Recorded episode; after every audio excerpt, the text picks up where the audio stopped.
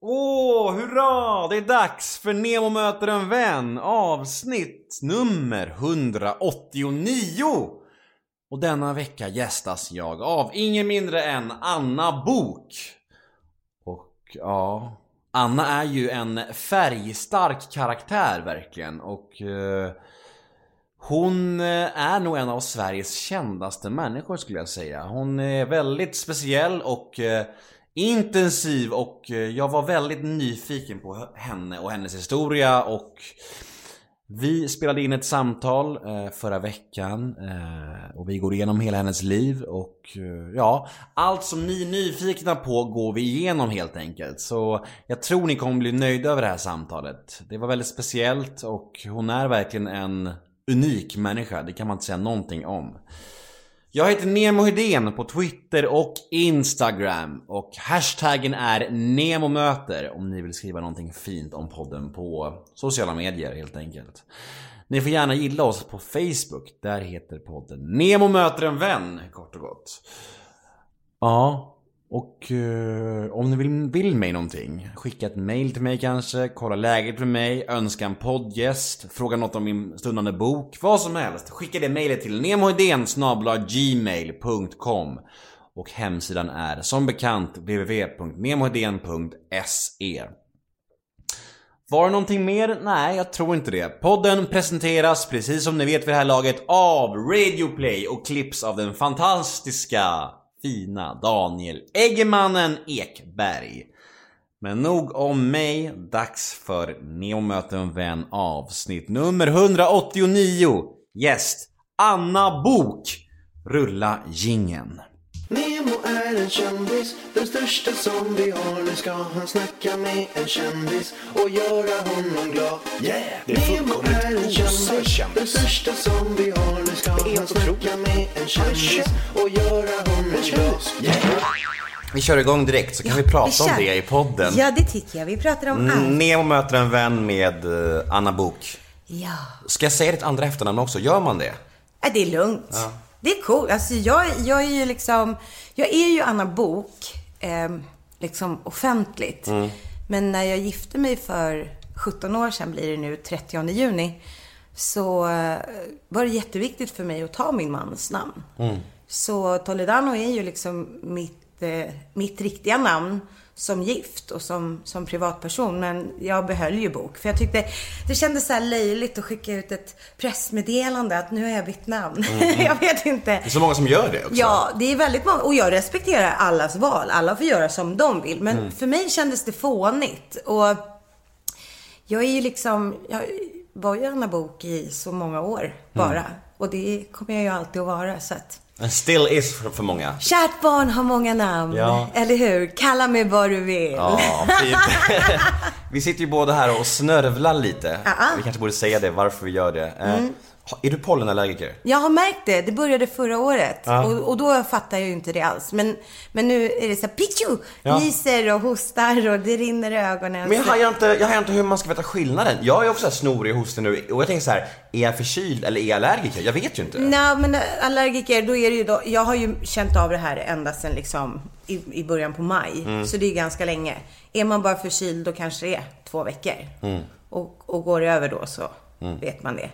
Men nu har jag hållit på så länge så att det, det är ingen förkylning. Och så märker jag att det är liksom när man, när man går ut, när jag är ute på mina powerwalks på morgonen, då är det så här pichu, Mm. går jag och nyser och, och hostar liksom och sådär. Så att, Vi sitter hemma hos dig i Solna. Ja. I den berömda lägenheten. Verkligen. Den omtalade. Ja men det är precis. Stor och fin och sådär och, och döttrar som springer runt lite här och var och sådär. Mm, precis. Det kanske blir lite ljud i, i den här podden, men Ja. det får de ju överleva. Ja. Eller hur? Eh, Men skulle inte ni sälja det här eller vad hände? Jo, eh, alltså på ett sätt så hoppas vi Mm. att vi får det sålt. Men på ett sätt så är vi lite så här att Vemod. Ja, det är väldigt mycket vemod eftersom det är ingen annan som har bott i den här bostaden mer än vi. Vi eh, flyttade ju in här när det var helt nytt. Så det är lite med skräckblandad förtjusning och då säger folk så här, men varför vill ni flytta då? Ja, men varför inte? Man kommer ju till en punkt i livet och man känner ibland att man man vill ha en förändring. Mm. Man vill byta miljö. På ett sätt så är jag jättetacksam för den här bekvämligheten som det innebär att bo här i Frösunda. Mall of Scandinavia, fem minuter. Alltså du har Hagaparken, två minuter. Mm. Arlanda tar 20-25. Det är, så det är Stockholm city, 10 minuter. Men jag som börjar bli lite äldre, jag fyller ju 48, känner att eh, det blir för bekvämt. Och jag, jag känner att det liksom känns inte kul att bo så här centralt. Hur länge har ni bott här? Vi har bott här i nästan 16 år. Okej. Mm. Så det är ju lång tid. Det är liksom hela Antonio och Vanessas barndom som Men man som kanske behöver lite förändring och nytändningar i livet överlag, tänker jag. Ja, men problemet är ju att vi vet ju inte ens vart vi, vart vi vill bo.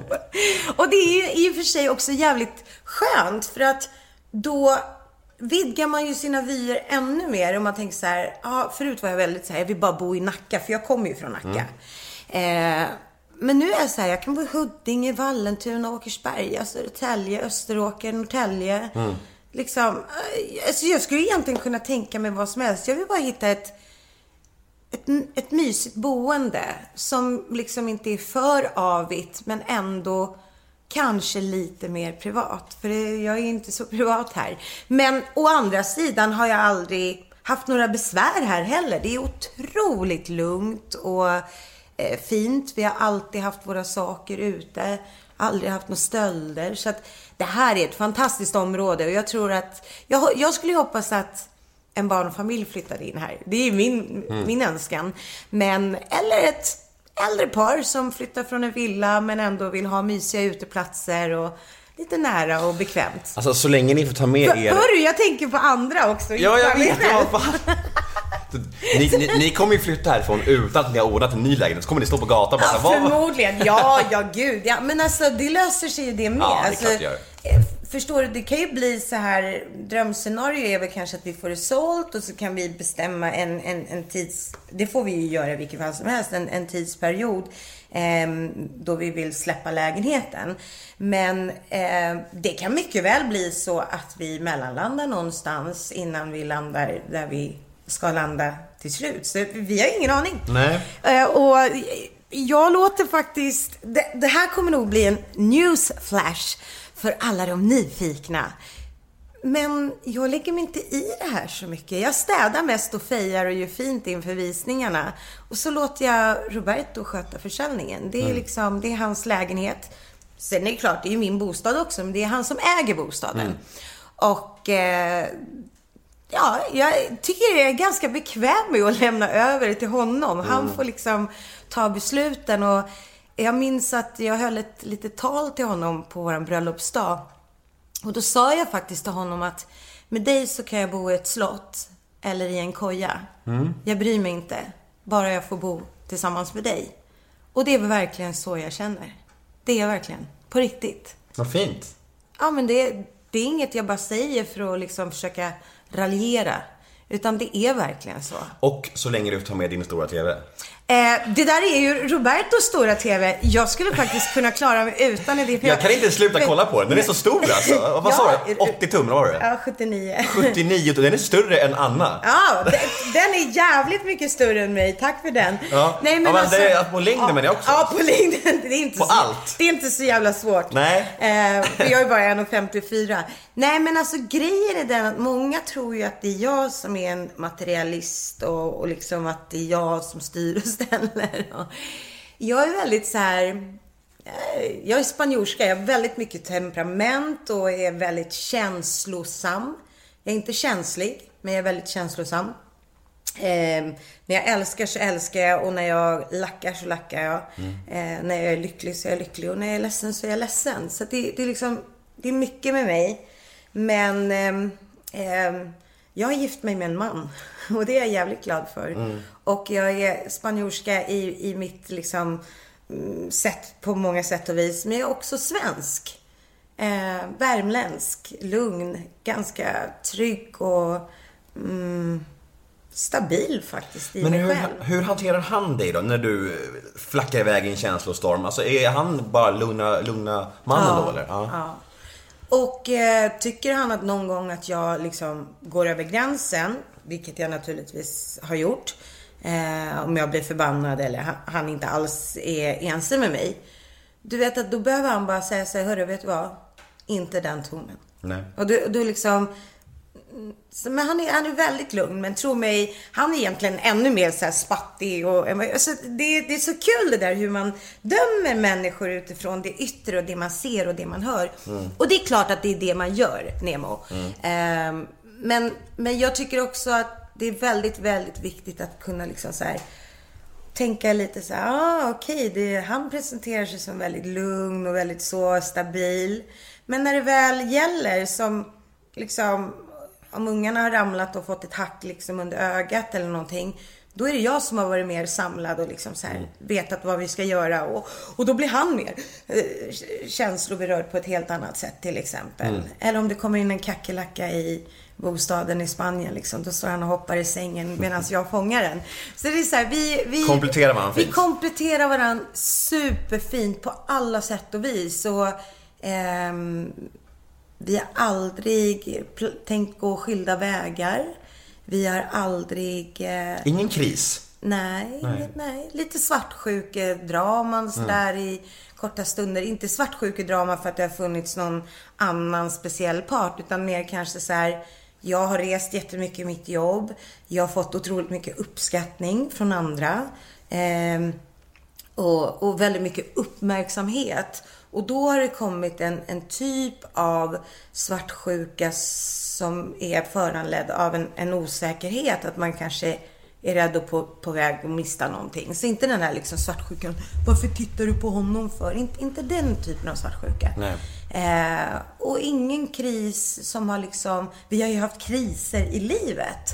Absolut, många svåra stunder. Men vi har aldrig hamnat i, i en sån situation där vi har känt att, vet du, jag tror faktiskt att jag, jag orkar inte leva med dig. Aldrig, aldrig. Vi har, vi har liksom alltid varit på samma blad. Sen kanske vi inte är på samma rad.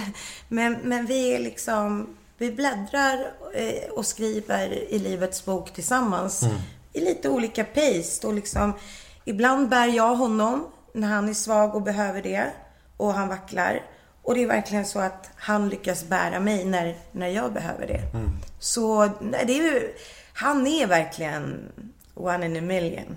One in a million. Det brukar ju vara så här mems, du vet, på, på Ja. Mm. Instagram. Där det är så här, hitta, hitta någon som den här människan ser på den här. Mm. Jag ska fan göra en mem där det står, hitta någon som Anna Bok pratar om sin man. Ja! Men det låter ju väldigt mycket, alltså det låter så lite som goals, i alla fall i relationer som du pratar om honom och som ni har det. Om, det är väldigt fint, det är ju som man vill ha det. Man vill ha någon liksom som, som lyfter när man är svag och som man själv kan lyfta, ge och ta liksom. För det är väl nyckeln tror jag. Att, att liksom, inte bli helt beroende av varandra men ändå liksom att det är li- lika mycket liksom. Ja, och det, det, det är så. Och på ett sätt är vi beroende av varandra, men på ett sätt inte. För vi liksom... Alltså han är väldigt klar med vem han är och jag är väldigt klar med vem jag är. Men vi är också överens om att vi vill liksom inte vara va, bara oss själva utan varandra.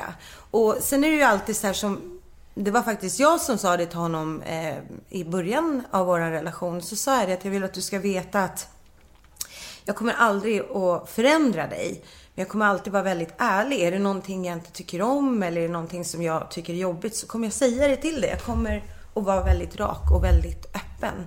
Eh, för jag kände väl liksom att det jag lämnade bakom mig efter 14 och ett halvt år det ville jag liksom inte uppleva igen. Eh, och jag ville liksom inte vara den personen som jag hade varit i den relationen heller. Bo- vare sig det bra eller det dåliga egentligen. Och då så sa jag det att ehm, jag väljer dig och jag hoppas att du väljer mig.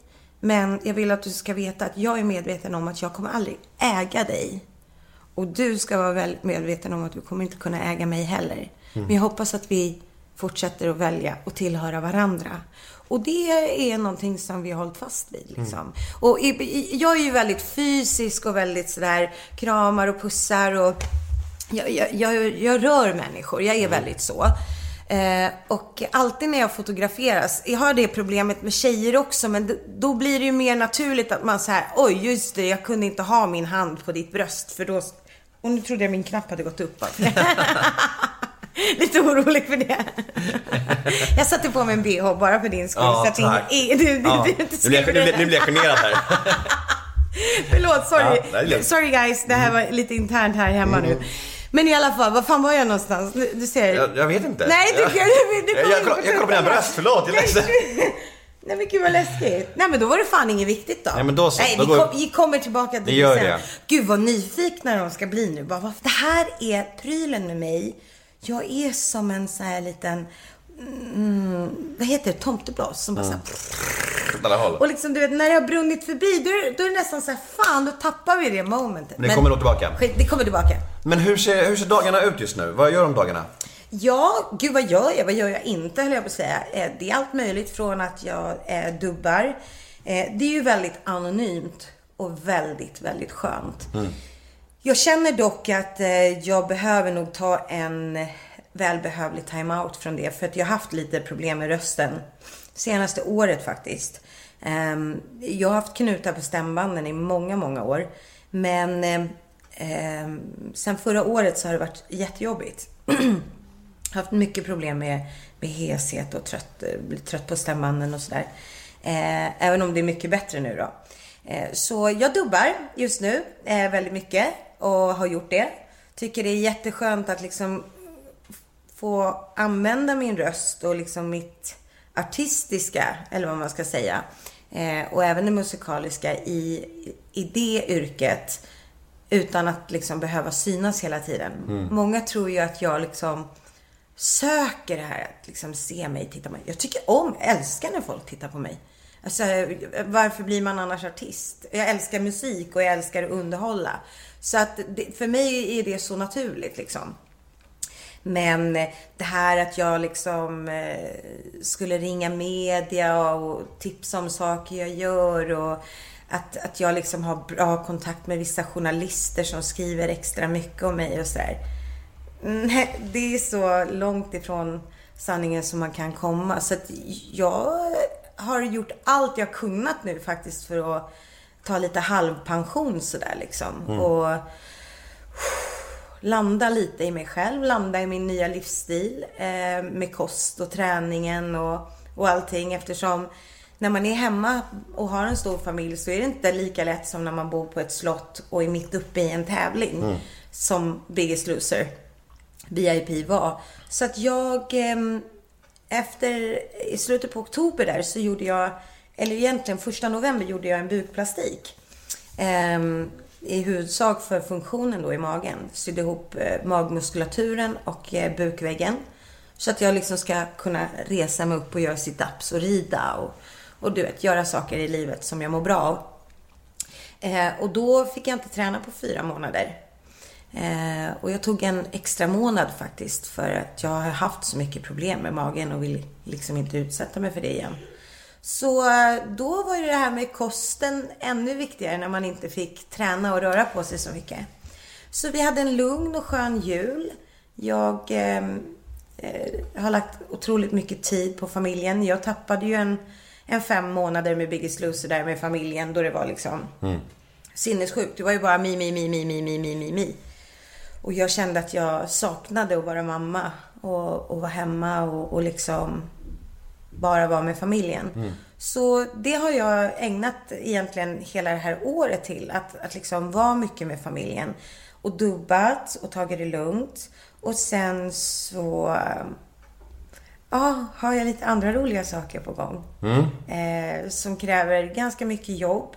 Eh, noga liksom förberedelser och, och planering. Hemlisar? Ja. Jaha. Jag har börjat känna liksom att, och det känns som att det kan bli någonting genuint utav det. Eh, det, det är flera saker som jag tror väldigt mycket på. Men jag är också van vid att jag eh, tyvärr träffar folk som pratar ganska mycket och sen så håller de ganska tunt. Och den enda som får stå där och ta emot käftsmällarna i slutändan, det är jag. Och jag är lite fucking fed up, kan jag säga. Så jag säger faktiskt inte ens A, B, C längre. Jag säger att ja, det finns saker jag jobbar på och, och roliga grejer. Fantastiska saker. Men ehm, Sen är jag också lite i valet och kvalet om det är rätt för mig själv. Och när man inte riktigt... Det känns bra, men det är inte hundra. Nej, jag förstår. Då väljer jag att vara lite hemlighetsfull Mm. för att skydda mig själv. För jag har faktiskt integritet. Det är en del som inte tror att jag har det. Ja, jag skulle komma till det. För att Mm. du har ju varit som superkänd i 30 år liksom. Det är inte så att du har varit lite känd. Du, är ju- du är ju verkligen, verkligen jättekänd. Eh, inför alla generationer. Och, och, och gjort, gjort mycket intervjuer och pratat mycket i media. Hur är det då med transparensen? Är det svårt, tycker du, att veta var gränsen går? Alltså när du sitter här med mig, jag antar att en del av dig vill vara bjussig. För att man vill ju ändå liksom, man vill bara ha ett skönt intervjuobjekt. Men en del av dig kanske ändå liksom vill hålla igen för att man vill ha integritet också. Tycker du balansen där är svår? Nej, jag tycker faktiskt inte det.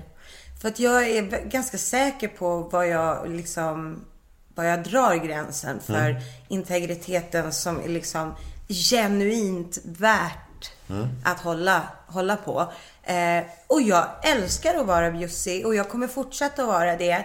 Ehm, har jag varit lite återhållsam senaste tiden? Ja, det har jag nog varit. Ehm, men det har inte varit för att skydda mig själv. Absolut inte. Jag, jag, I, I couldn't care less vad, vad något, någon tomte tycker om mig liksom. Nej. Så här, som inte jag vet vem det är och som inte står mig nära. Vi har ingen relation. Alltså, du, du är absolut fri att tycka och tänka och känna precis vad du vill när du ser mig, hör mig.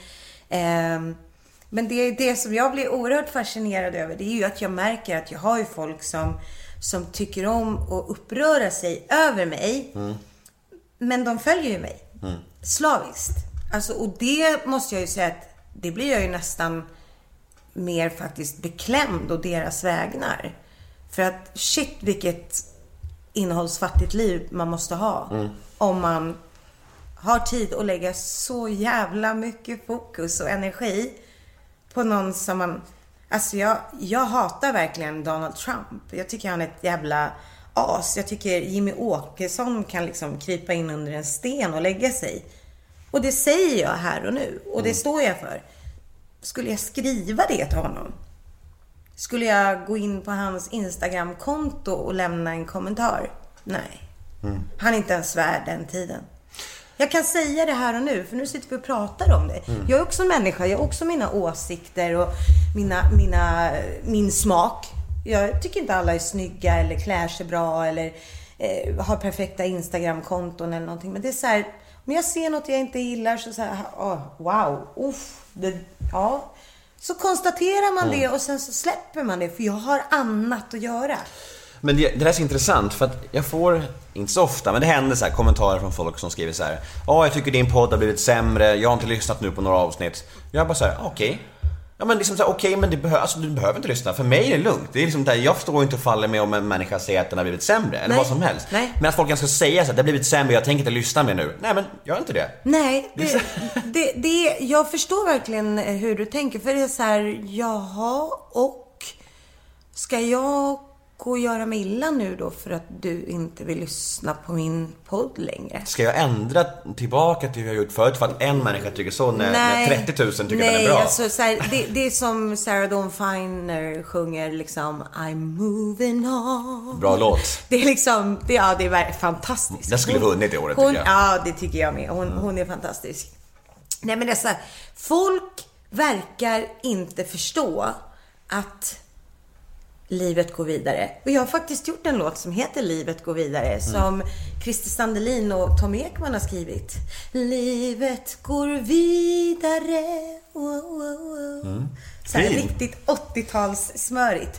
Nej men det är ju verkligen så. Livet går vidare. Jag, jag blir, och enda anledningen till att jag ibland lackar eller kanske blir lite så här, lite feisty när jag får kommentarer liksom. Det är ju när folk ältar. För jag hatar att älta saker. Jag tror på att älska och förlåta.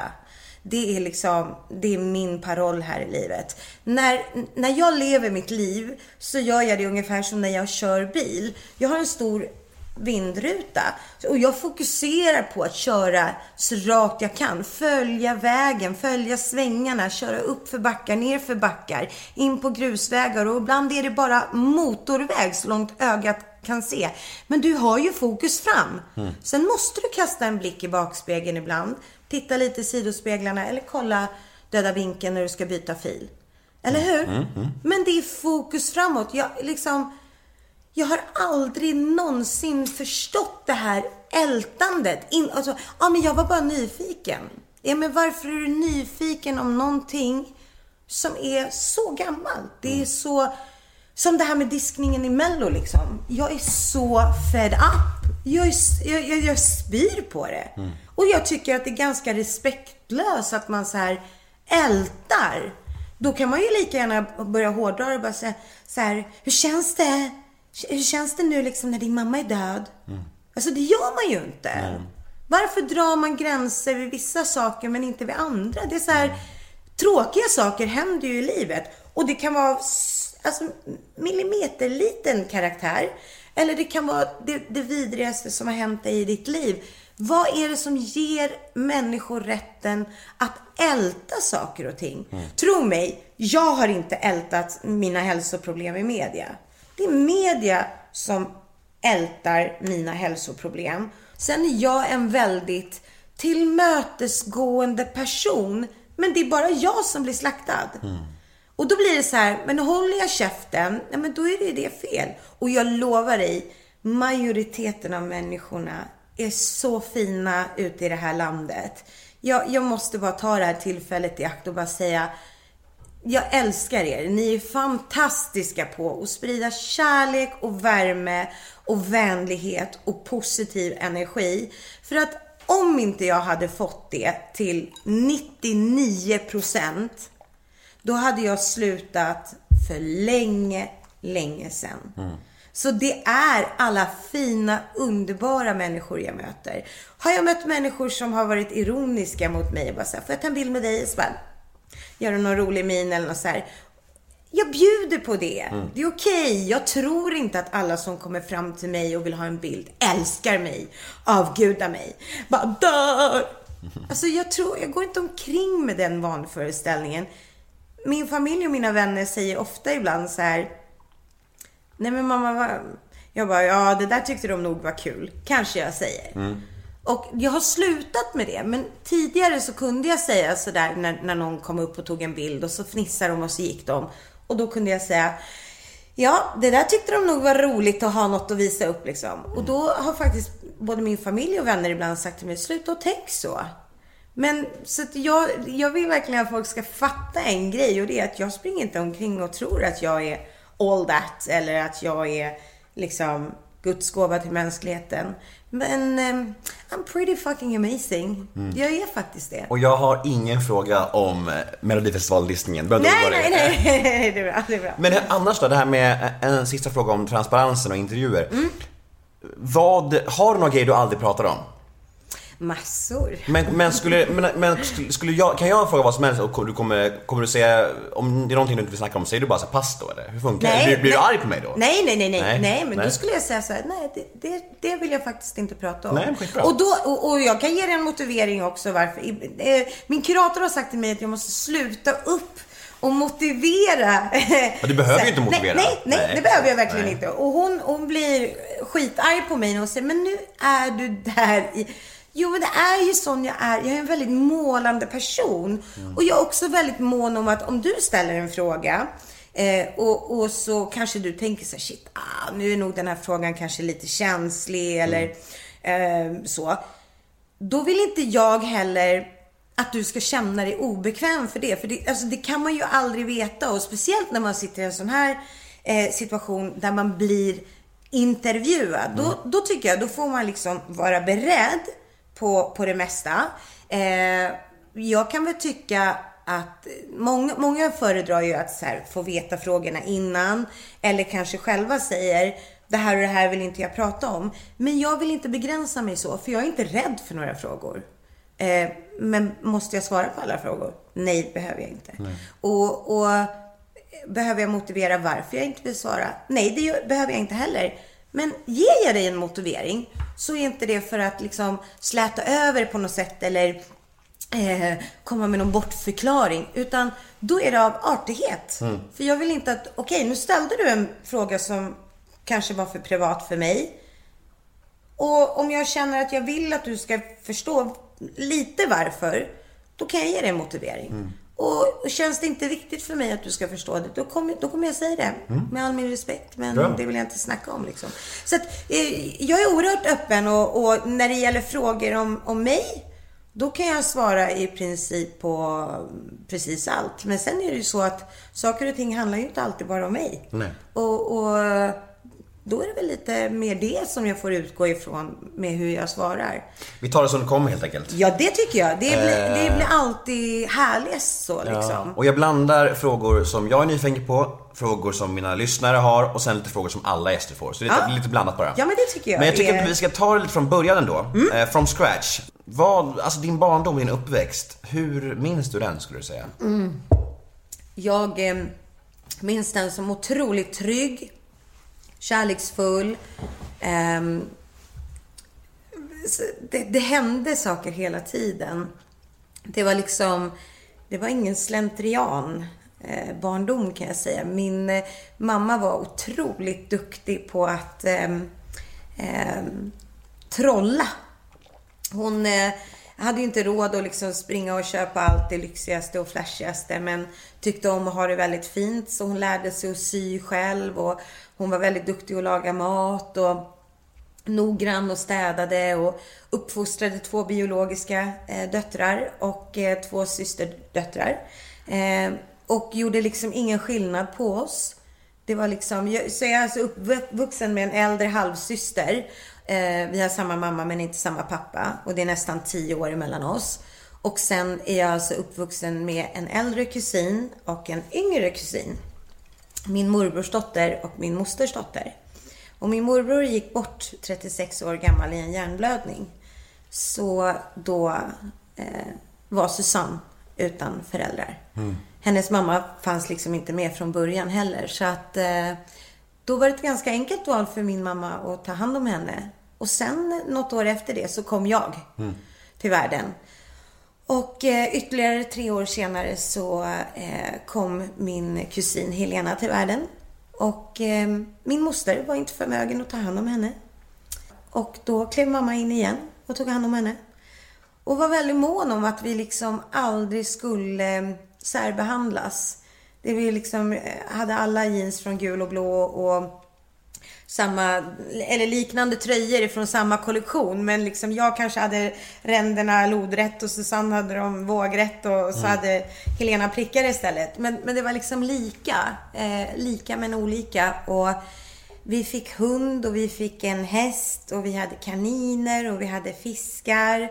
Och mamma köpte landställe i Värmland. Vi bodde periodvis både på Mallorca och Las Palmas när jag växte upp. Och jag gick i spansk lekskola. Mamma åkte på kryssningar med oss. Och, ehm, tack vare henne så fick jag en jättefin relation med min pappa. Och min pappa, min biologiska pappa, Juan, spanjor. Eh, född och uppvuxen och avliden på Mallorca. Han gick bort bara när han var 58 år. Eh, för, gud, det blir 24 år nu i augusti. Så det, han gick bort lite för tidigt. Två veckor innan min 25-årsdag. Uff. Men... ehm, Och han kom hit till Sverige när jag, när jag var nyfödd. Han blev ju liksom inte, han var ju inte bara min pappa. Han var ju pappa till alla tjejerna liksom. Han gjorde inte heller någon skillnad på oss. Men å andra sidan var det väl kanske inte fullt lika svårt för honom. För att det var ju min mamma som hade huvudansvaret liksom. Det, det är ju min mamma som har fostrat mig och, och mina systrar. Så ehm, Hon låter, hon låter fantastisk, hon var fantastisk. Och det sticker ju mycket i folks ögon liksom när, när eh, en kvinna är så stark och eh, självständig och inte behöver en man för att, att klara sig. Så min mamma har ju fått lite oförtjänt eh, mycket skit, men, men det är hon ju inte ensam om som, som stark kvinna. Eh, och sen så är det ju så här om eh, jag säger det här verkligen nu med all respekt, men jag talade ju faktiskt om för er att eh, min moster inte kunde ta hand om eh, min lilla syster då. Jag kallar henne för min lilla syster, Mm. även om vi inte är så mycket systrar idag liksom. Hon, hon lever ett annat liv i, i Kanada sen, gud, 28-29 år nu. Mm. Har ni någon kontakt? Eh, väldigt lite liksom. Eh, vi gled ifrån varandra. Jag, hon förändrades väldigt mycket när min, när min moster till slut dog nu då för ett par år sedan. Eh, och eh, min, min moster återhämtade sig. Hon blev liksom aldrig frisk från alkoholism. Och ehm, ehm, hennes pappa kom från Finland. Så min mamma och min moster var bara halvsystrar. För att min riktiga morfar dog redan när min mamma var 18 år i en bilolycka. Och eh, då har det flo- florerat en del eh, osanna rykten om min mamma som jag faktiskt vill... Om det är bara en enda människa som snappar upp det här som kanske har rykten om att min mamma skulle ha finskt påbrå och vara alkoholist. Så, så stämmer det inte. Hon har inget finskt i sig överhuvudtaget. Hon är helt värmländsk. Kommer från släkten Bok i Värmland. Född i eh, Karlskoga. Eh, nej, hon är född i Kristinehamn. Och sen så bodde hon i Karlskoga och Karlstad. Så kom hon till Stockholm som 14-åring. Och eh, min mamma var inte alkoholist. Eh, väldigt... Eh, jag har aldrig sett min mamma full. Aldrig sett henne berusad. Har hon druckit rom och cola? Jajamensan, det har jag gjort. Men min mamma var fantastisk. Jag, jag, eh, jag kan inte påstå att jag skulle ha ett lika stort hjärta och göra det som hon gjorde. Jag vet inte om jag skulle... Och jag har ett stort hjärta, det vet jag. Men eh, så som hon kämpar liksom med de sociala myndigheterna liksom, som ville fosterhemsplacera hennes liksom, brorsdotter och systerdotter framför att hon, hon själv då skulle få ta hand om dem. Eh, och gömde dem för polisen och jag har inga barn här. Och, jag menar, det var Hemmets Journal och massa sådana här tidningar. Svensk Damtidning tror jag till och med gjorde liksom reportage om min mamma för att hon var en sån fantastisk kvinna. Eh, redan långt innan jag började liksom sjunga och bli offentlig. Så min mamma var fantastisk och det var min pappa också. Och jag hade en jätte, jättefin relation med honom. Eh, men eh, jag har allt att tacka för min mamma. Inklusive min fina relation med pappa. För att han hade aldrig orkat liksom hålla i det på samma sätt med det drivet och Eh, att resa fram och tillbaka mellan Sverige och Spanien som min mamma och, gjorde. Och sen att också på det ordna ett, ett landställe i Värmland där hon kom ifrån. Det huset hittade hon faktiskt till en annan väninna. Och hon, på den tiden var det ju bara fast telefon och hon ringde och sa mm, Ja men Marianne, ska du ha det här huset eller inte? För nu, nu väntar Arthur Miller här på ett besked från dig. Och det är så fint det här huset. Det ligger på Näset och det... Och, och jag och Marianne då, hon ville ju ha ett hus där men hon velade lite och så här. Och mamma pratade med den här Arthur som ägde det här lilla vita huset. Lilla vita huset på Näset heter det. Mm. Och eh, lång historia kort. Det gick ett par timmar och han bjöd henne på fika och mamma som jag bullrig och högljudd och glad och pratade och käften gick i ett liksom. Och sen till slut så ringer Marianne tillbaka. Har du bestämt... Nej men gud! Ja men jag ska säga att du har bestämt dig. Och då så säger han Marita, lägg på luren. Ja, Marianne, jag, jag måste lägga på mig. Jag ringer upp dig om en liten stund. Då satt han så tittade han på henne så sa han Huset är inte till salu längre, det är redan sålt. Och min mamma bara, men gud, har, har, har farbrorn fått en hjärnblödning? Tänkte hon och blev rädd. Då sa han, jag har bestämt mig att huset är sålt. Det är ditt. Och min mamma fattar ju ingenting. och jag kan säga det att, att ehm, ja, nästan hälften av vad han hade begärt eh, för huset på den tiden, 1970, 80 någonting. Nej, 1973 tror jag att det här med fan att det var. Det var liksom så här. Det var typ halva priset. Och hon bara, nej men jag har inte råd. Jag, jag kan absolut inte köpa något hus i Värmland. Då, då blev det liksom panik liksom. Jag är ensam med fyra. Det ordnar sig. Det fixar vi det här vet du. Det här huset ska du och dina töser ha. Det är typiskt Det var- värmlänningar. Det alltså Världens snällaste folk. världens snällaste och han blev så otroligt förtjust i min mammas Liksom, du vet det här drivet hon hade och hur hon pratade om sina tjejer och Värmland och, och liksom allt det här och hon har kämpat och, och då sa han det att nej, det här är du som ska ha det liksom. Fint. Så um, nej, min mamma var pretty fucking amazing och um, jag saknar henne varje dag. Eh, jag ser henne. Det är en av orsaker och det är det enda som kan få mig att bli lite rörd när jag tänker på att flytta härifrån. Och det är för att hon finns så mycket i det här hemmet för mig. Jag kan ibland se henne gå här och hur hon, ja, nej men bara med sin enorma så här, kärlek till barn, barn och till mig och till Roberto. Hon var så jävla lycklig att vi träffade varandra. Och, ja, nej. Så det, det, jag vill gärna flytta. Jag skulle tycka det var jättekul. Men jag, jag vet inte, jag kommer nog inte bli så här. Det är ingen panik. Det, det, det, det som sker, det sker. Och, och det tycker jag också är lite så här jobbigt att man som offentlig person eller som jag känner att jag blir så här, ja, de får inte sålt, de får inte det. Nej, okej, det, det, är en tuff marknad. Och sen är det väl vårat, alltså jag förstår inte återigen så här hur man kan bekymra sig så mycket för någon annans förehavanden. Eh, om vi inte får det här sålt, vem, vem dra- drabbar det dig då, Nemo? Drabbar det din mamma? Nej. Drabbar det liksom Kalle Anka eller? Nej men det är ju precis det liksom. Om, om jag inte bryter ihop och dör och mitt liv går i skärver eh, för det. Så förstår jag inte liksom. För...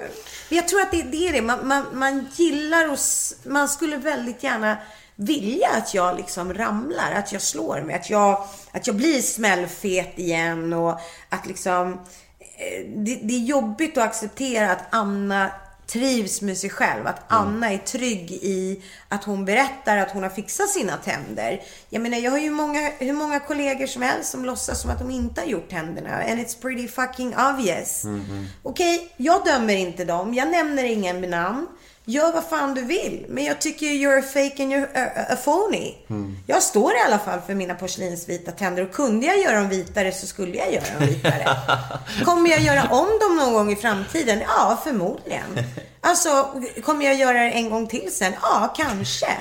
Alltså, jag gör väl vad fan jag vill. Och jag har ingen redovisningsplikt eh, eller redovisningsskyldighet gentemot någon. Men jag har inga problem med att vara ärlig med det heller. Det är väl lite så också när man är offentlig människa och sen så är det väl ännu större för just dig tänker jag. Att folk tar sig friheter att liksom så här eh, håna om du inte skulle få det sålt eller dina tänder, vad som helst. Ja, och, ja. och det är ju någonting som är jävligt smaklöst med offentligheten tycker jag. Att folk tar sig sådana friheter Mm. hela tiden. Och jag kan inte ens tänka mig hur det måste vara för dig. Det måste vara liksom tio gånger värre för dig än för en vanlig kändis. Mm.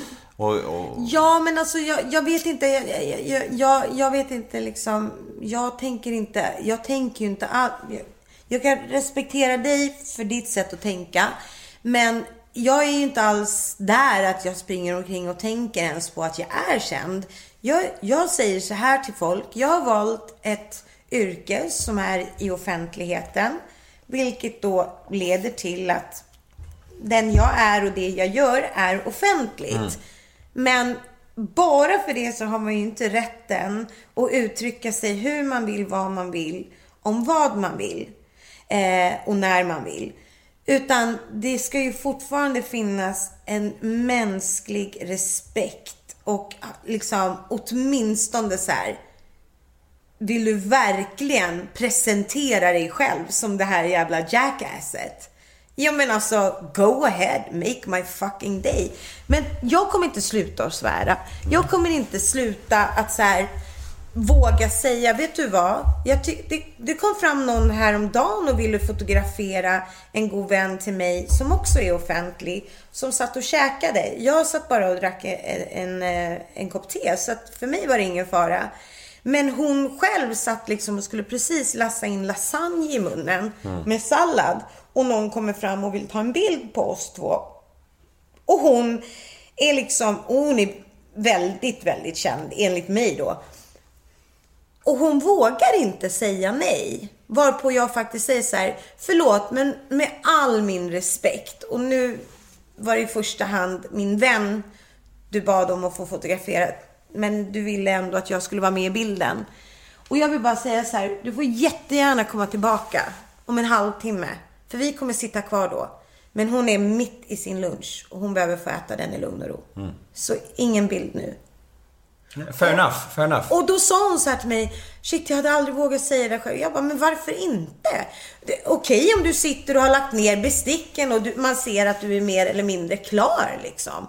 Då kan man väl, förlåt jag måste rusa och jag vill så gärna. Alltså hur man presenterar, hur man frågar och liksom, förstår du? Hur man approachar en människa. Eh, men du vet att skulle någon komma fram till mig och jag sitter och liksom ska hova in sallad eller en fet jävla pizza i käften. Då skulle jag säga, nej, vet du vad? Inte just nu. Tack, men nej tack. Det är så här, det är min fulla jävla rätt att säga nej. Helt rätt. Helt Och, rätt. och, och sen om någon tycker så här, fan vad hon var otrevlig och det. Tough shit. Jag, jag, jag kan liksom inte hålla på. Jag har slagit knut på mig själv i lite drygt 30 år i den här branschen. Och de senaste så tre åren och framförallt det senaste året så har jag blivit mycket tuffare, mycket kaxigare, tycker folk. Tro mig, de har inte sett någonting än. De har inte sett någonting. Jag har bara så här Skrapat, på skrapat ytan. lite på ytan. För det är så här. Men liksom don't push it kan jag säga. För det, det är så här på riktigt. Jag har verkligen, oj vad jag har stått ut med grejer. Alltså folk har ju sagt och gjort saker ibland som vanligt folk alltså får på käften för om, om, om de skulle få för sig att våga säga det till en, en människa som inte var offentlig. Förstår du? Det, det är så här, mig frågar man, vad väger du? Eh, vad, vad försörjer du dig på? Eh, det, det, alltså det, det, igår var jag live, då var det någon människa som så här, och Vanessa, vår yngsta dotter som är 16 år. Hon har alltid varit lite så här, lite blygare och inte varit så med så mycket i mina lives och sådär. Så sa jag bara till henne, Vanessa jag må- jag måste bara springa på muggen. Kan du bara, hon bara, nej men jag vill inte vara med i liven. Jag bara, nej du behöver inte vara med i liven men du kan bara stå vid sidan om så ser du vad de skriver så kan du svara. Om du, för så brukar hon göra ofta. Men så kände hon väl själv att hon, hon, hon brukar inte vilja vara med lite för hon är ju i den här perioden nu då man har lite, lite blämmor och i hyn och lite sådär med alla hormoner och det. Men så resonerade hon med sig själv att liksom, ah gud jag har lite kvissle på kinden och ah, jag har en finne på hakan men, nej men vad fan. Så hon hoppade in i min live. Och folk blev ju jätteglada för många som är nyfikna på henne liksom. Antonio och eh, Felicia vet man ju lite mer om och, och känner till på ett annat sätt. Eh, och sådär och, och är, de är aktiva liksom på sociala medier på ett annat sätt än vad Vanessa är. Och folk gick bananas liksom. Gud vad fin du är och vilken fin röst du har och tyckte det var jätteroligt. Och vi, och vi hamnade också i ett ganska förtroligt samtal där jag berättade att Vanessa blev väldigt mobbad i, i mellanstadiet. Eh, och eh, då fick hon mycket fina komplimanger om det. Och mitt upp i alltihopa, allt det här positiva och fina och liksom verkligen glädjen. Så kommer en bild på någon skata som liksom bara är Vanessa oskuld. Och du vet att då flippar ju jag va. Då, då lackar ju jag på två sekunder. Då ska hon bara vara jävligt glad att hon inte stod face to face med mig. För då hade jag, jag hade gett henne en dansk jävla skalle. Alltså ställer man en sån fråga överhuvudtaget? Nej. Och det var som Vanessa sa. Ja men jag hade ju självklart lust att bara säga så här. Ja det är jag. Men så tänkte jag så här, vad angår det henne? Jag bara, ja, vad angår det någon? Skit i vad hon är och vad hon inte är. Skit i vad jag är. Jag skiter faktiskt i vad du är. Jag bed- bedömer dig och kommer också bemöta dig utifrån det som jag faktiskt själv ser och, och det jag uppfattar att du bemöter mig med. Allt annat lägger jag liksom ingen värdering i. Inte ens liksom det jag har sett i Kungarna av Tylösand. Tylösand. Jag kan inte säga Tylösand. För jag, jag tittade på det. Ja, ja. Smickrande. Ja, nej men alltså. Jag fattar. Det är så här, men, men jag lägger, alltså, var det crazy? Ja, det var crazy. Dömer jag dig? Nej. Fint. Nej. Tack för det. Nej, men det, du behöver inte ens tacka. För mig är det en självklarhet. Eh, har du gjort mig illa? Nej. Du har aldrig gjort mig illa. Nu, ser jag att du tänker lite. No. Nej men jag har ju sagt till dig att jag har sagt någonting, men det var ju länge sedan och du såg det inte ens så spelar det ingen roll. Nej. Nej. Men det har vi snackat om ju. Ja, det har vi pratat om. Nej men du, du ser, och jag, jag är inte ens liksom, det var någon annan som, så här, som skrev till mig. För du ska ju veta att folk är ju duktiga på Och att föra vidare det man säger. att föra vidare. och liksom, eh, nej men det är ingen som har fört vidare vad du har sagt. Men, men gärna liksom inför att de har sett hos dig att, att du ska eh, intervjua mig i din podd. Så här, bara så att du vet, men han tycker inte om dig. Nej, det är fine. Alltså, du behöver inte tycka om mig heller. Det är det som är det fina här i livet. Vi kan träffas och ha ett möte och förhoppningsvis så ger det inte bara dina lyssnare någonting att lyssna på. Utan förhoppningsvis så ger det dig någonting i den här stunden. Och, och vem vet, vi kanske grillar ihop ja, Det är det helg. som är syftet med podden. Det är därför den heter Nemo möter en vän. För att jag blir vän med mina gäster ofta. Och det är därför jag tackar nej till att ha Jimmy Åkesson i podden och sånt här. För att jag inte vill bli hans vän. Nej, precis. Du? Så det är ju det det handlar om. Så att det, vi blir nog vänner.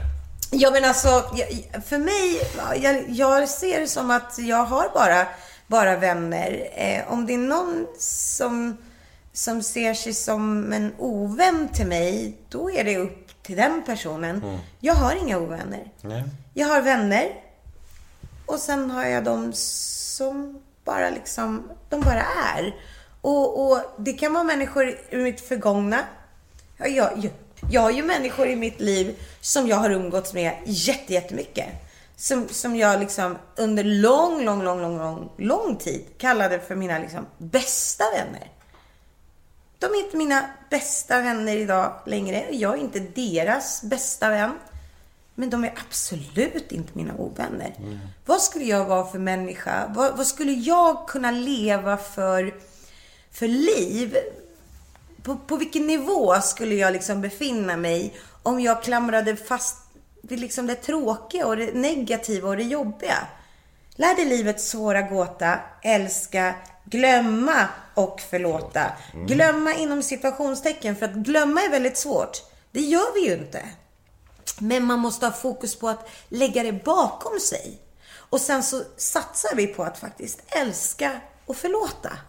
För att det är liksom, när man är kvar i allt det här gamla och, och låter det på, påverka en liksom på ett negativt sätt. Det är då det inte blir bra alltså. Då blir man bitter och så blir man grinig och, och allt det här. Så att jag är så här, jag kan ibland tänka på människor som jag har haft konflikter med eller som jag har brutit upp med. Och, men jag, jag kommer alltid att ha en, en liten, liten vik i mitt stora, varma, pulserande hjärta. För allt det fina som jag hade med de människorna. Mm, det är bra. För att de hjälpte mig under en tid. Och jag vet att jag hjälpte dem. Livet är inte bara en enkel riktad gata. Det är fullt med små, små stigar och vägar och grusgångar och, och allt. Återvändsgator, upp, ner, höger, vänster. Eller hur? Mm, verkligen. Så att jag, jag, är, jag är väldigt eh, förlåtande och jag är väldigt, eh, väldigt eh, ödmjuk faktiskt. Men jag tänker fan inte ta någon mer skit. Jag, jag är lite för rapp på det. Bra. Jag är det faktiskt. Men en sak du kan göra, det är ju att prata. Ja, Herregud jag är för alltså. jävla grym Alltså jag har ställt, tror jag, jag, tror, jag tror jag har ställt tre frågor och det, har, gått, nej, det okej, har gått en timme, det har gått en timme Ah, nästan. okej, kom igen. Jag har typ Ah. 25 frågor kvar, jag bara vad fan. Jag, jag är kort. Jag är kort, men jag har så jävla svårt att hålla mig kort. Men okej, jag ska bevisa att jag kan det också. Okej, kör. Jo, Alright. vi, vi pratade ju lite om eh, konstellationen i barndomen. Ja. Det var liksom grundfrågan. Ja. Och 45 minuter senare så har vi inte kommit någonstans. Nej, jag har inte kommit någonstans. Nej men min barndom Men var okej. jättefin och härlig. Och Men skoltiden vill jag prata om. Ja, skoltiden. Hur, i- eh, vilken roll Hur- tog du i skolan? Hur såg det ut och sådär? Nej, alltså jag var ju, jag var ju den absolut sötaste, mest begåvade, finaste kläderna. jag skojar. Jag bara- Du bara, what the fuck? Vad pratar hon om?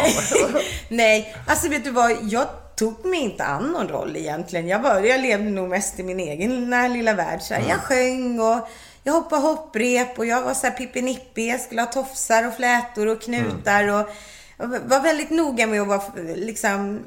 Jag var ju väldigt, väldigt flickig. Alltså jag har varit otroligt feminin sen jag var liksom ett år. det är så här, så, dålig doll.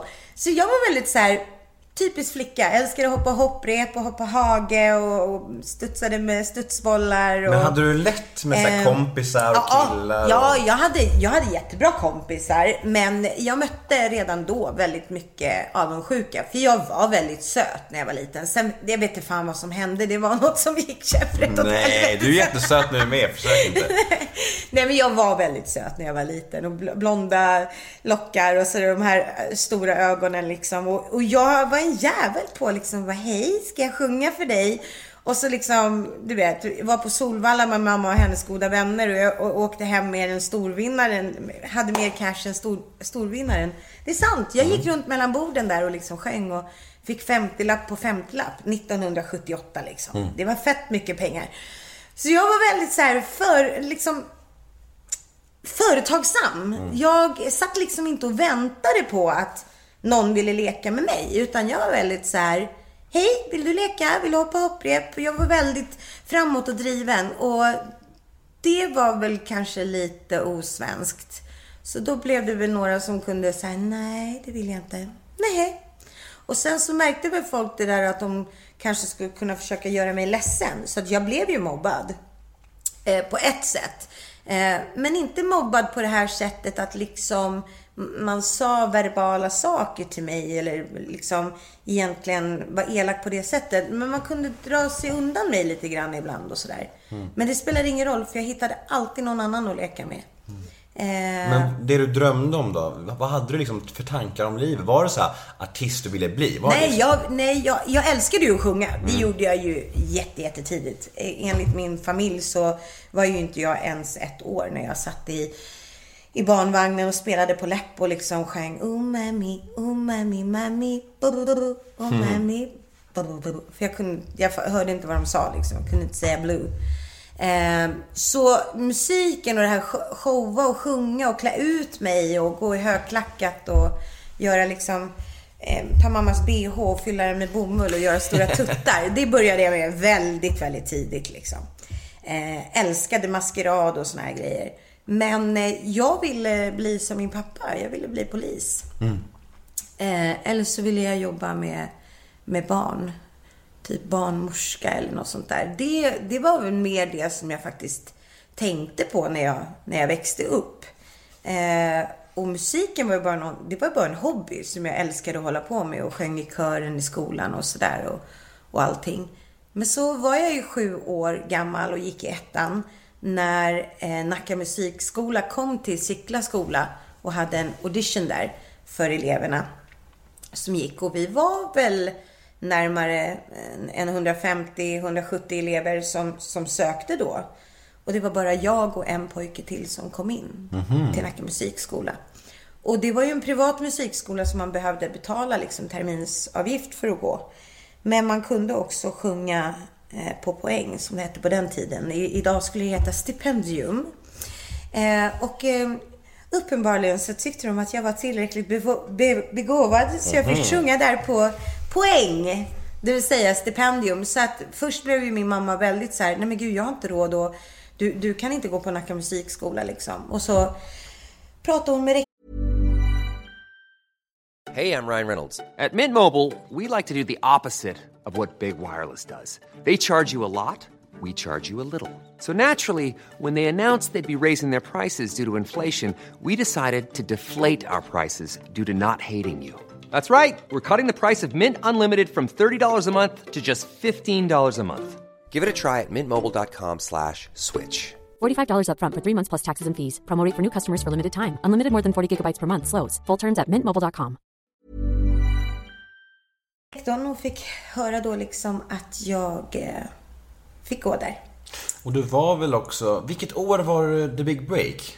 Eh, det var 1985. Och då var du- Sommaren. Ja, Jag, jag var 14 år. Jävla ung alltså. Jag var 14 år då. Det var ju Solstolarna med, med Killsnack. Och precis då innan hade jag ju släppt min första singel. För att det var eh, vintern, i november 84, som jag var med i en talangjakt som hette DN runt stan. Eh, och då vann jag eh, deltävlingen i Nacka. Eh, och min eh, lilla syra Helena kom trea. Men då gick jag vidare till den stora finalen på Göta Lejon. Eh, och där vann jag inte. Där kom jag på fjärde plats. Men Vem vann? ingen aning. Jag minns att det var en kille som var otroligt begåvad på piano. Och en flicka som sjöng, de sjöng tillsammans. Men jag minns inte vad de hette och, och jag tror aldrig att det blev någonting eh, inom musiken för någon utav dem heller. Men första eh, priset var ju en, en singel. Eller ett skivkontrakt då med, med en singel för, för dem då, då som, som vann. Men eh, två veckor senare så hade jag ett fyraårigt eh, skivkontrakt med ett av världens dåvarande största skivbolag, CBS Records. Mer kända Så som... det gick ganska bra ändå? Ja, som, de är ju kända som Sony BMG idag. Och eh, jag hade ju då precis våren där, eh, 85, släppt min första singel som hette Hjärtat bankar. Som också var med bland de sista 20 bidragen till Melodifestivalen det året. Så Bert Karlssons eh, skivbolag Marianne Grammofon Okej tjejer, det är bra jobbat i första perioden och nu ökar vi andra va? Men Maj, Maja, lägg ner mobilen! Sorry coach, jag ska bara boka en motorkap till jobbet på måndag. Så, nu kör vi! Med Kramo kan du när som helst och var som helst hyra, administrera och lämna tillbaka byggutrustning online. Besök kramo.se. Att hyra har blivit ännu smartare. Välkommen till Däckteam! Nya däck. Ah, däck! Och där! Snyggt! Ha! Ja! Där satt den! Easy peasy! Mindre ljud och mer körglädje. Välj tysta däck från Goodyear. Däckteam, vet vilka däck du behöver. släppte, släppte de låtarna då, då de 14 låtarna som, som precis hamnade utanför. Våren eh, 1985, då ringde de och så sa de att du, ehm, har ni på, på CBS någon, någon bra eh, gästartist som skulle kunna komma och gästa våra sommarlovsmorgon för vi har en idé om, vi gör ett program som heter Solstollarna? Och då sa de det att, ja men vad fan, vi har faktiskt eh, precis signat en, en riktigt ung tjej och det låter väl som någonting som skulle passa henne.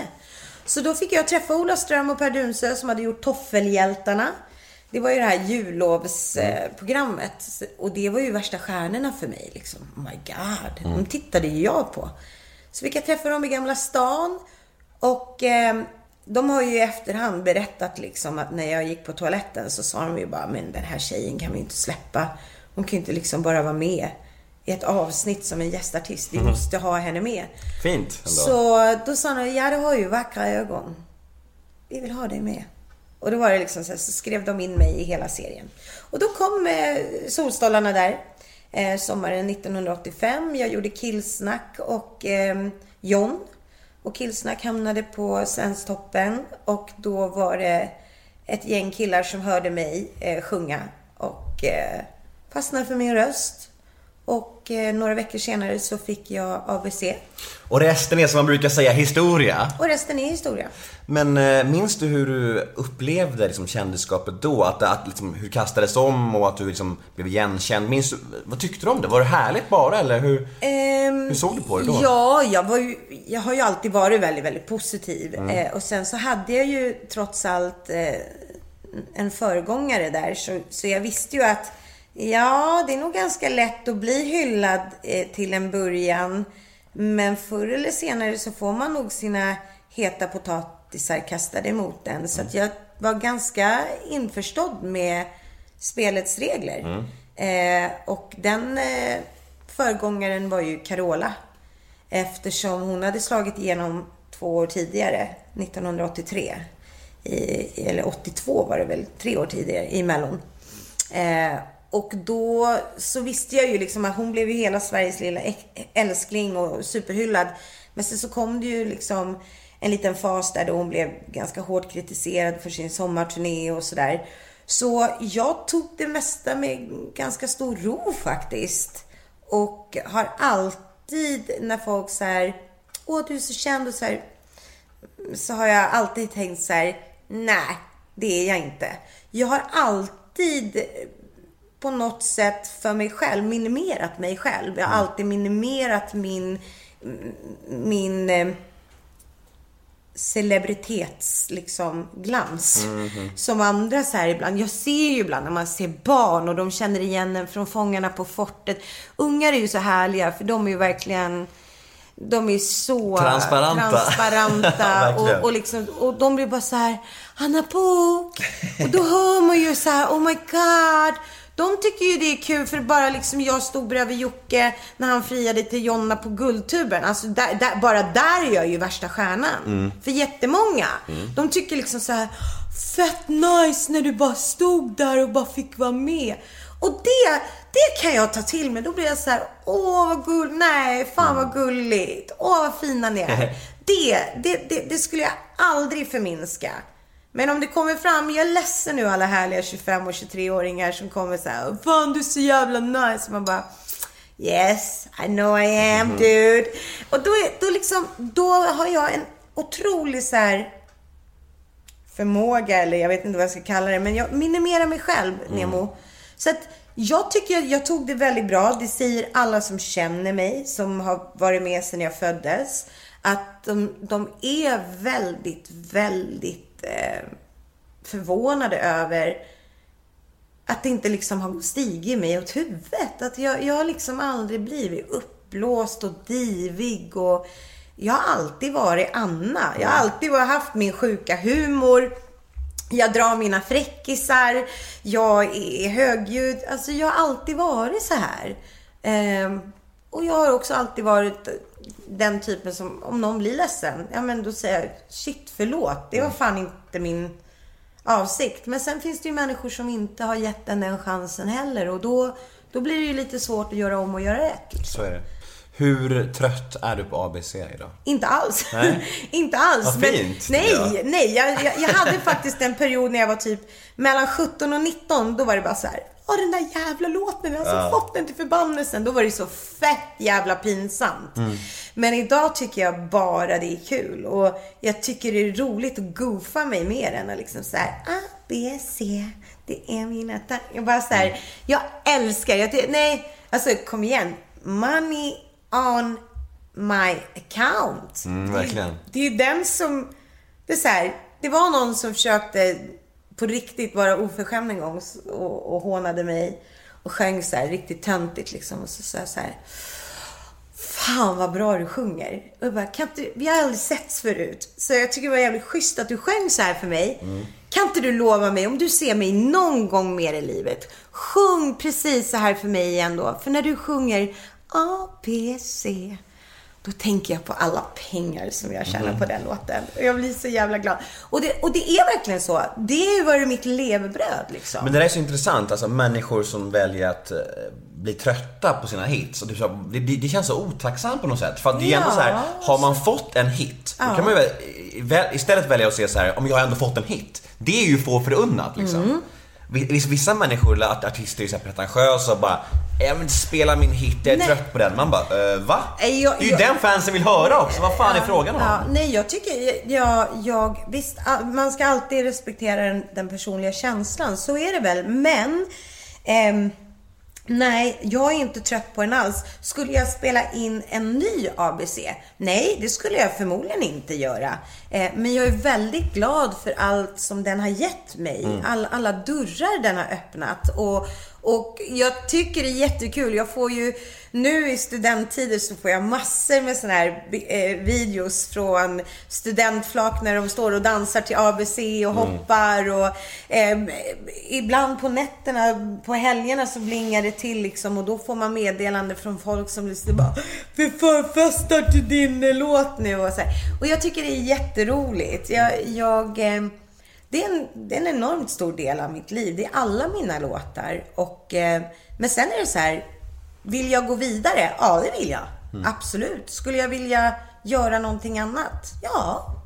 Men det är ju för att jag utvecklas och vill fortsätta utvecklas hela livet hoppas jag. Jag vill liksom inte bara stanna av. Nej, det är klart. Så att nej, jag är inte trött på ABC.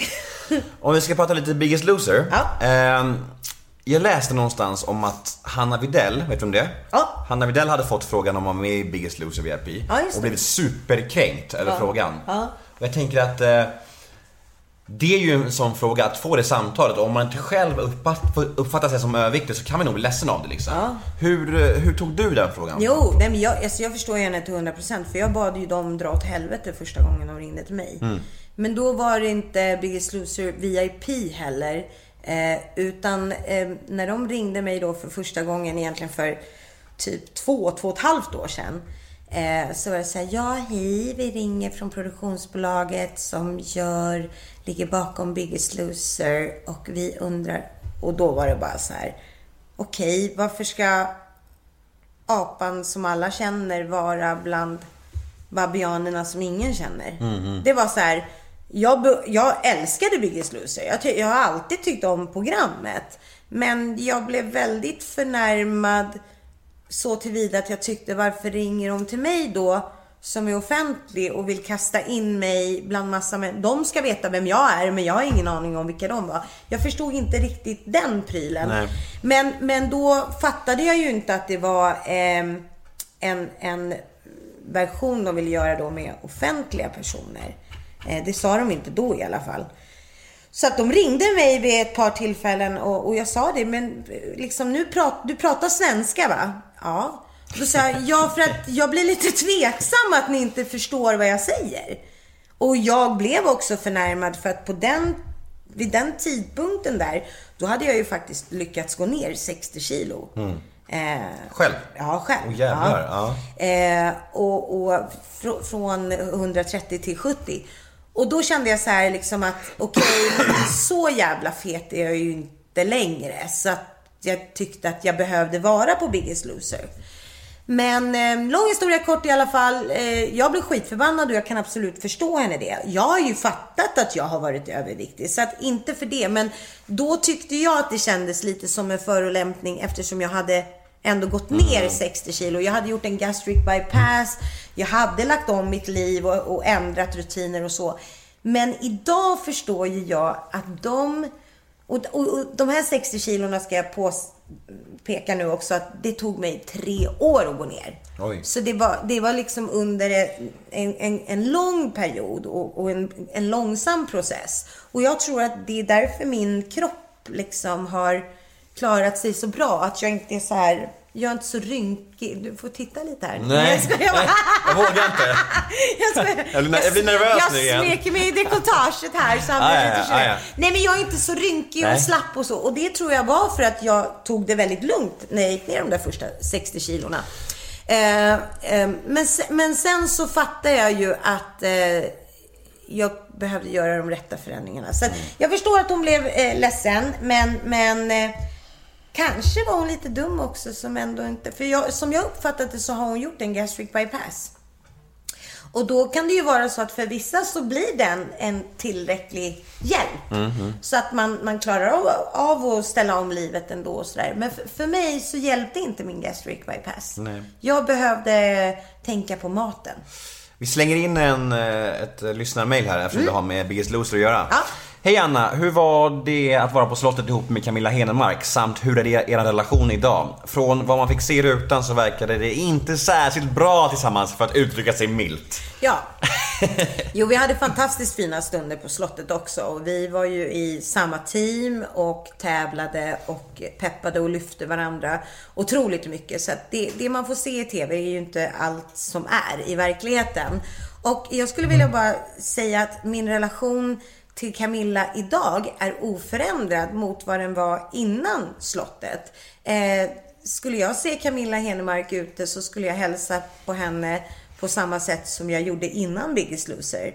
Hjärtligt och krama om henne och fråga hur allt är och prata med henne liksom på, på samma lösa balörer som jag alltid har gjort.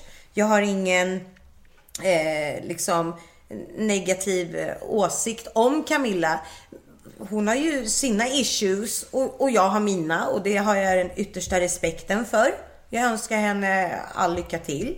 Eh, om jag tycker att hon eh, körde ett spel där inne, absolut. Eh, en, en person som har Asperger och, och inte kommer ihåg siffror och sådana grejer. Och så gör man en tävling helt plötsligt där man bara mm, kommer ihåg allting och minnet är perfekt. Och så. Det, det, det, det rimmar inte riktigt för mig. Men jag, jag har den yttersta liksom, Mm. respekten för Camilla. Och, men vi umgås inte, det har vi aldrig gjort. Vi Nej. har aldrig haft varandras privata mobilnummer och, och ringt varandra. Men, men eh, så det är så här plus minus noll.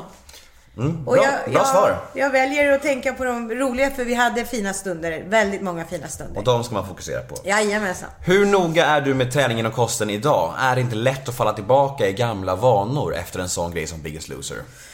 Eh, jo, det är det ju absolut. Men för mig har det varit faktiskt förhållandevis enkelt. Jag hade ju några laster i livet och det var min eh, persiko-iste från eh, Lidl. den berömda. Eh, och det är ju rätt mycket socker i den. Jag käkade Piggelin varje dag.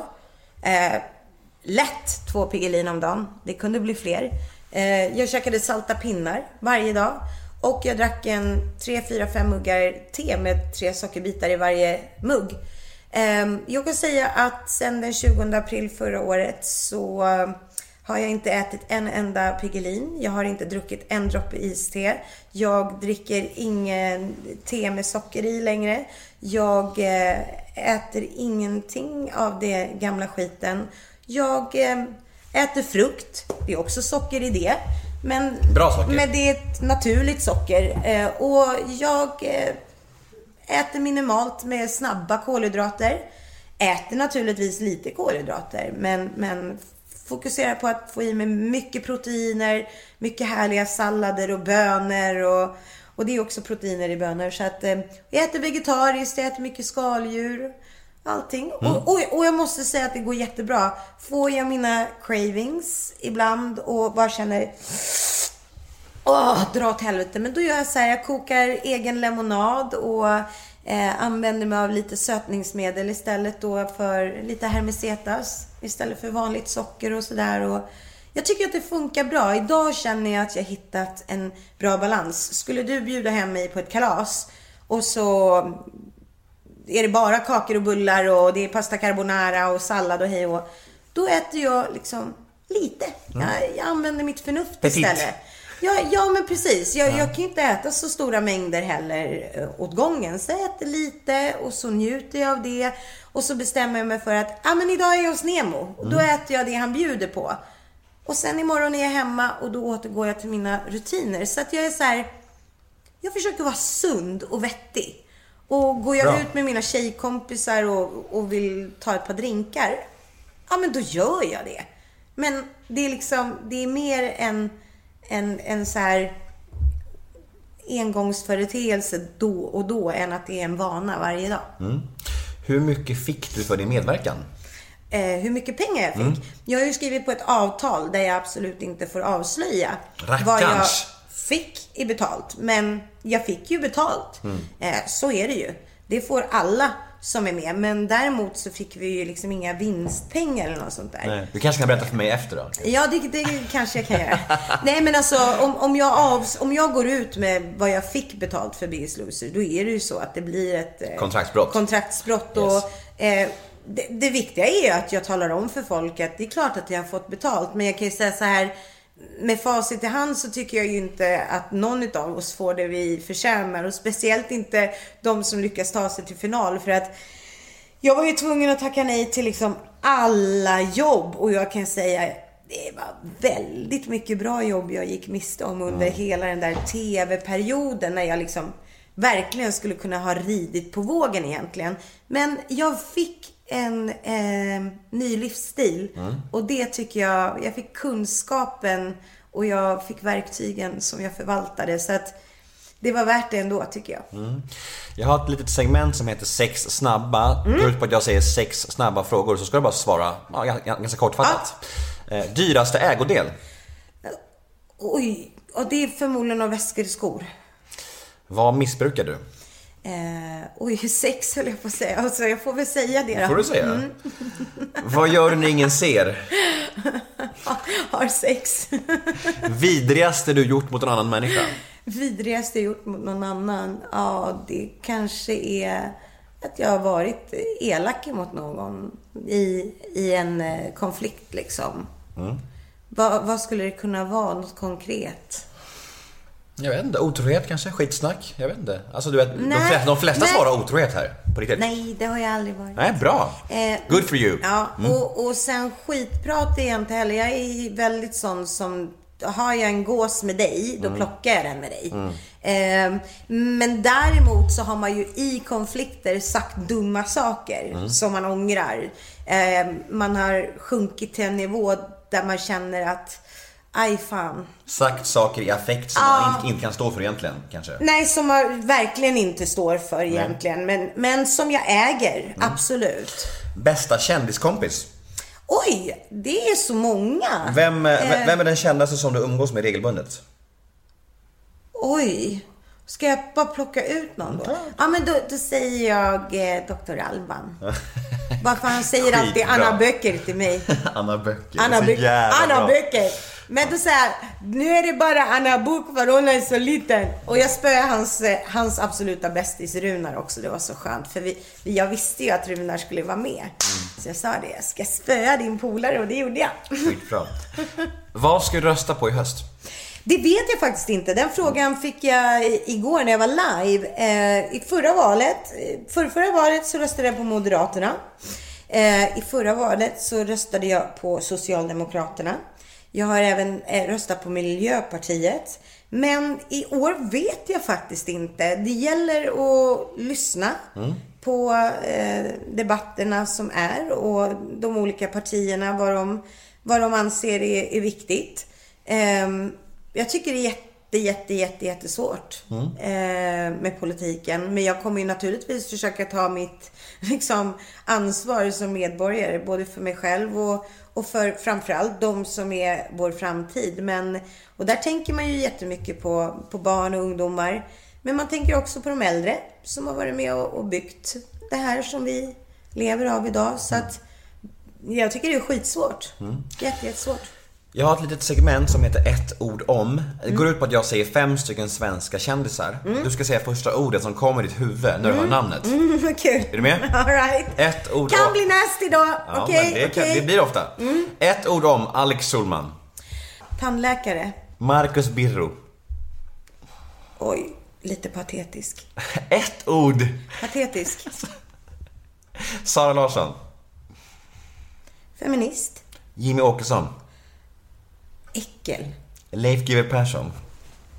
Cool. Mm, bra.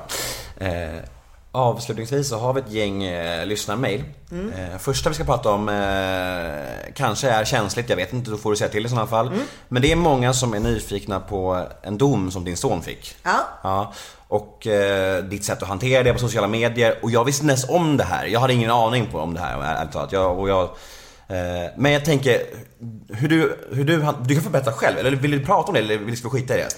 Eh, nej, men nu är det ju så här. Eh, nu gäller ju den här frågan då eh, tredje part. Mm. Eller andra part kanske man kan säga. Eh, och, och han är ju inte här. Och är det någons röst i allt det här som ska höras så är det ju hans. Mm. Och eh, Antonio är fortfarande minderårig. Eh, och eh, jag kan säga att det som har skrivits om mig i sociala medier gällande vad jag skulle liksom ha uttalat eh, kring Antonio. Eh, eller det här som har uppstått. Det är så fel. Det här är ett typexempel på en fjäder som blir en fet kalkon. Och jag tror att ganska många där ute skulle skämmas och ångra sig om de visste vad eh, vissa eh, uttalanden faktiskt i grund och botten har handlat om. För det har absolut inte handlat om det som folk tror. Ehm, och för att inte vara för eh, luddig i mitt svar till dig eh, så är det så här att när man säger att jag skulle ha shameat någon så, så finns inte det på kartan. För det har jag aldrig gjort. Eh, den jag har shameat var en, en kvinna i 23-årsåldern som eh, sexuellt trakasserade mig på sociala medier. Eh, och ehm, jag ignorerade henne. Det, för det är så jag gör när, när folk liksom beter sig eh, märkligt. Jag blockerar, raderar och ignorerar. Ehm, när folk skickar hem brev till mig så river jag sönder dem och kastar dem i brevlådan. Jag polisanmäler inte längre. Jag eh, lägger ingen möda och energi på att tänka vem är det som har skrivit ett brev till mig om att eh, jag ser ut som en häst med mina tänder i käften. Jag raderar det och jag bara kastar det liksom. Eh, och den här unga kvinnan då som var i uppskattningsvis i alla fall 23-årsåldern som sexuellt eh, trakasserade mig under en ganska lång tid via Instagram. För det är ju Instagram som jag är liksom eh, aktiv på. Eh, så så eh, händer ju det här i vårt liv. Och då ser jag att hon uttalar sig. Och när jag såg att hon uttalade sig på en av mina semesterbilder som liksom inte hade någonting med någonting att göra. Då brann det i huvudet på mig. Och eh, då skrev jag bara så här till henne. Really? Ska du öppna din mun? Ska du öppna din mun? Skulle du vilja att jag liksom skrev till dina föräldrar och berättade vem du är och vad du har gjort gentemot mig? Och så gjorde jag det misstaget att jag kallade henne för Lilla Smuts. Eh, och det har man nu då valt att få det till att jag skulle ha sagt det här till, till eh, någon annan. Och det stämmer inte. Så att eh, när, när, när det kommer till att eh, prata om, om dom eller händelser, vara eller icke vara, eh, så är det så att det är inte min röst som är viktig i allt det här, utan det är hans. Och eh, ehm, det, det är upp till honom vad han vill säga och göra i framtiden. Ehm, det, Typ, det är men- inte min plats liksom. Men tycker du att du hanterade det bra eller hade du kunnat, Ja. hade du kunnat göra det annorlunda? Nej, alltså jag har, hanter- jag har hanterat det här faktiskt exemplariskt skulle jag vilja säga. Det enda uttalandet också som jag har sagt vid ett tillfälle, det var att eh, jag kan tycka så här, man kan tycka och tänka väldigt mycket. Ehm, och om jag säger så här till dig att jag anser att en... Eh, det är lätt att säga liksom att om någon går förbi här nu så kan jag säga så här till dig att den kvinnan vet jag att hon har blivit våldtagen. Då skulle ju du tro på mig, eller hur? Om jag skulle säga samma sak om någon som går förbi här så här, och han är pedofil. Då kanske du också skulle tro på mig. Men alltså, man kan ju säga väldigt mycket saker och du kan säga det väldigt, väldigt trovärdigt. Måste det vara sant för det? Nej, det är ju... Det är. Och då sa jag vid ett tillfälle, en förövare behöver inte alltid vara en förövare. Det måste ju bevisas va? Eller hur? Ett offer kanske inte alltid är ett offer. För det är faktiskt en, ett, ett otroligt allvar i att det finns ju faktiskt människor som påstår att de har blivit utsatta för saker. Jag såg en, en, eh, ett avsnitt med Dr. Phil om en kvinna som påstod att hon hade cancer. Hon fick hela sin familj att tro att hon hade cancer. Hon rakade av sig håret. Hon eh, köpte kortison och skit och grejer på, på, på nätet som man svällde av och påstod att hon gick igenom eh, Eh, behandling och allting och lurade till sig miljonbelopp. Är hon ett offer? Är hon ett offer? Spring, is that you? Warmer temps mean new Allbirds styles. Meet the Superlight Collection, the lightest ever shoes from Allbirds, now in fresh colors. These must have travel shoes have a lighter than air feel and barely their fit that made them the most packable shoes ever. That means more comfort and less baggage. Try the Superlight Tree Runner with a cushy foam midsole and breathable eucalyptus fiber upper. Plus, they're comfy right out of the box. So, what can you do in a superlight shoe? What can't you do is the better question. And because they're super packable, the real question is, where are you taking them? Experience how Allbirds redefines comfort. Visit allbirds.com and use code SUPER24 for a free pair of socks with a purchase of $48 or more. That's A L L B I R D S.com code SUPER24. Ja, visst är, visst är hon sjuk. Eller hur? Men hon gjorde fortfarande fel. Och då sa jag ett uttalande, ett offer är kanske inte alltid ett offer. En förövare är kanske inte alltid en förövare. Ett vittne behöver inte alltid tala sanning. Och det, det vet ju jag att det har ju jag rätt i när jag säger. Jag tycker att det är väldigt viktigt att vi människor inte ska skapa de här dreven. Speciellt de här dreven. Det räcker med dreven i media. I mäktig media. Glöm inte att något av det absolut mäktigaste mediet vi har, det är det sociala. Och det är väldigt, väldigt viktigt att, ja, ska du gå på glas, då ska du vara beredd att du skär upp dina fötter om du inte har strumpor och skor på dig. Det var allt jag sa vid ett tillfälle. När man blir mordhotad, när man blir hotad rent allmänt på det mest vidriga sätt du kan föreställa dig. Så säger man en mening som inte alls är av ondo, utan en mening som är litet rop på hjälp att vänta lite, kan ni bara så här sitt ner i båten om inte vi alla ska liksom sjunka och, och drunkna. Jag tycker att det är väldigt, väldigt viktigt att förstå liksom jag läser och ser saker och ting. Jag blir berörd. Jag blir beklämd. Eh, bestört. Ibland tänker man, stämmer det här? Men jag är väldigt, väldigt försiktig med hur jag liksom skulle bemöta och behandla mina medmänniskor. Och eh, ja, så att jag, jag vet att jag har skött det här. För att jag har, jag har aldrig skrivit om det. Jag har aldrig eh, berört någonting. Eh,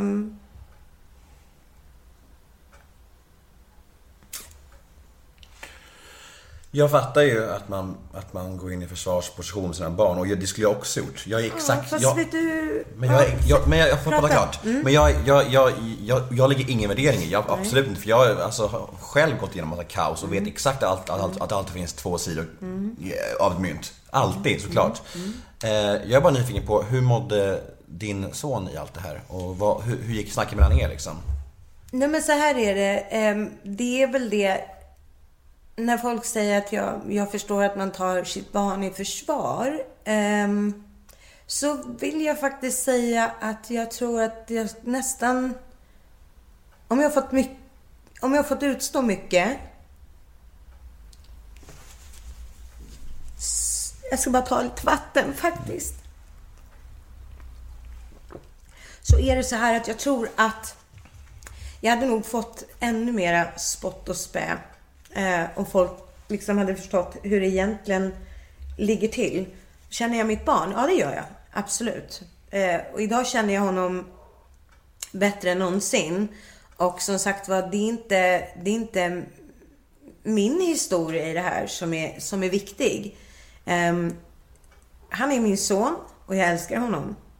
Ehm, jag har alltid uppfostrat alla mina barn Eh, med vad som är rätt och vad som är fel. Eh, jag har otroligt hög moral och fina, sunda, vettiga värderingar. Det, det tvivlar jag inte på någonstans. Det är ingen som skulle kunna få mig att vackla i det. Eh, men jag har inte tagit honom i försvar på det sättet som jag anser att en mor kanske ska göra faktiskt. Så att, och den ångesten är nog eh, mycket, mycket svårare. Allt det andra, det kan jag liksom leva med. Gör, gör det ont? Ja, absolut. Men jag eh, och alla vi som genuint känner honom vet ju vem han är och, och var han kommer ifrån. Och vi ser också vart han är på väg och lärde livets svåra gåta. Älska och förlåta.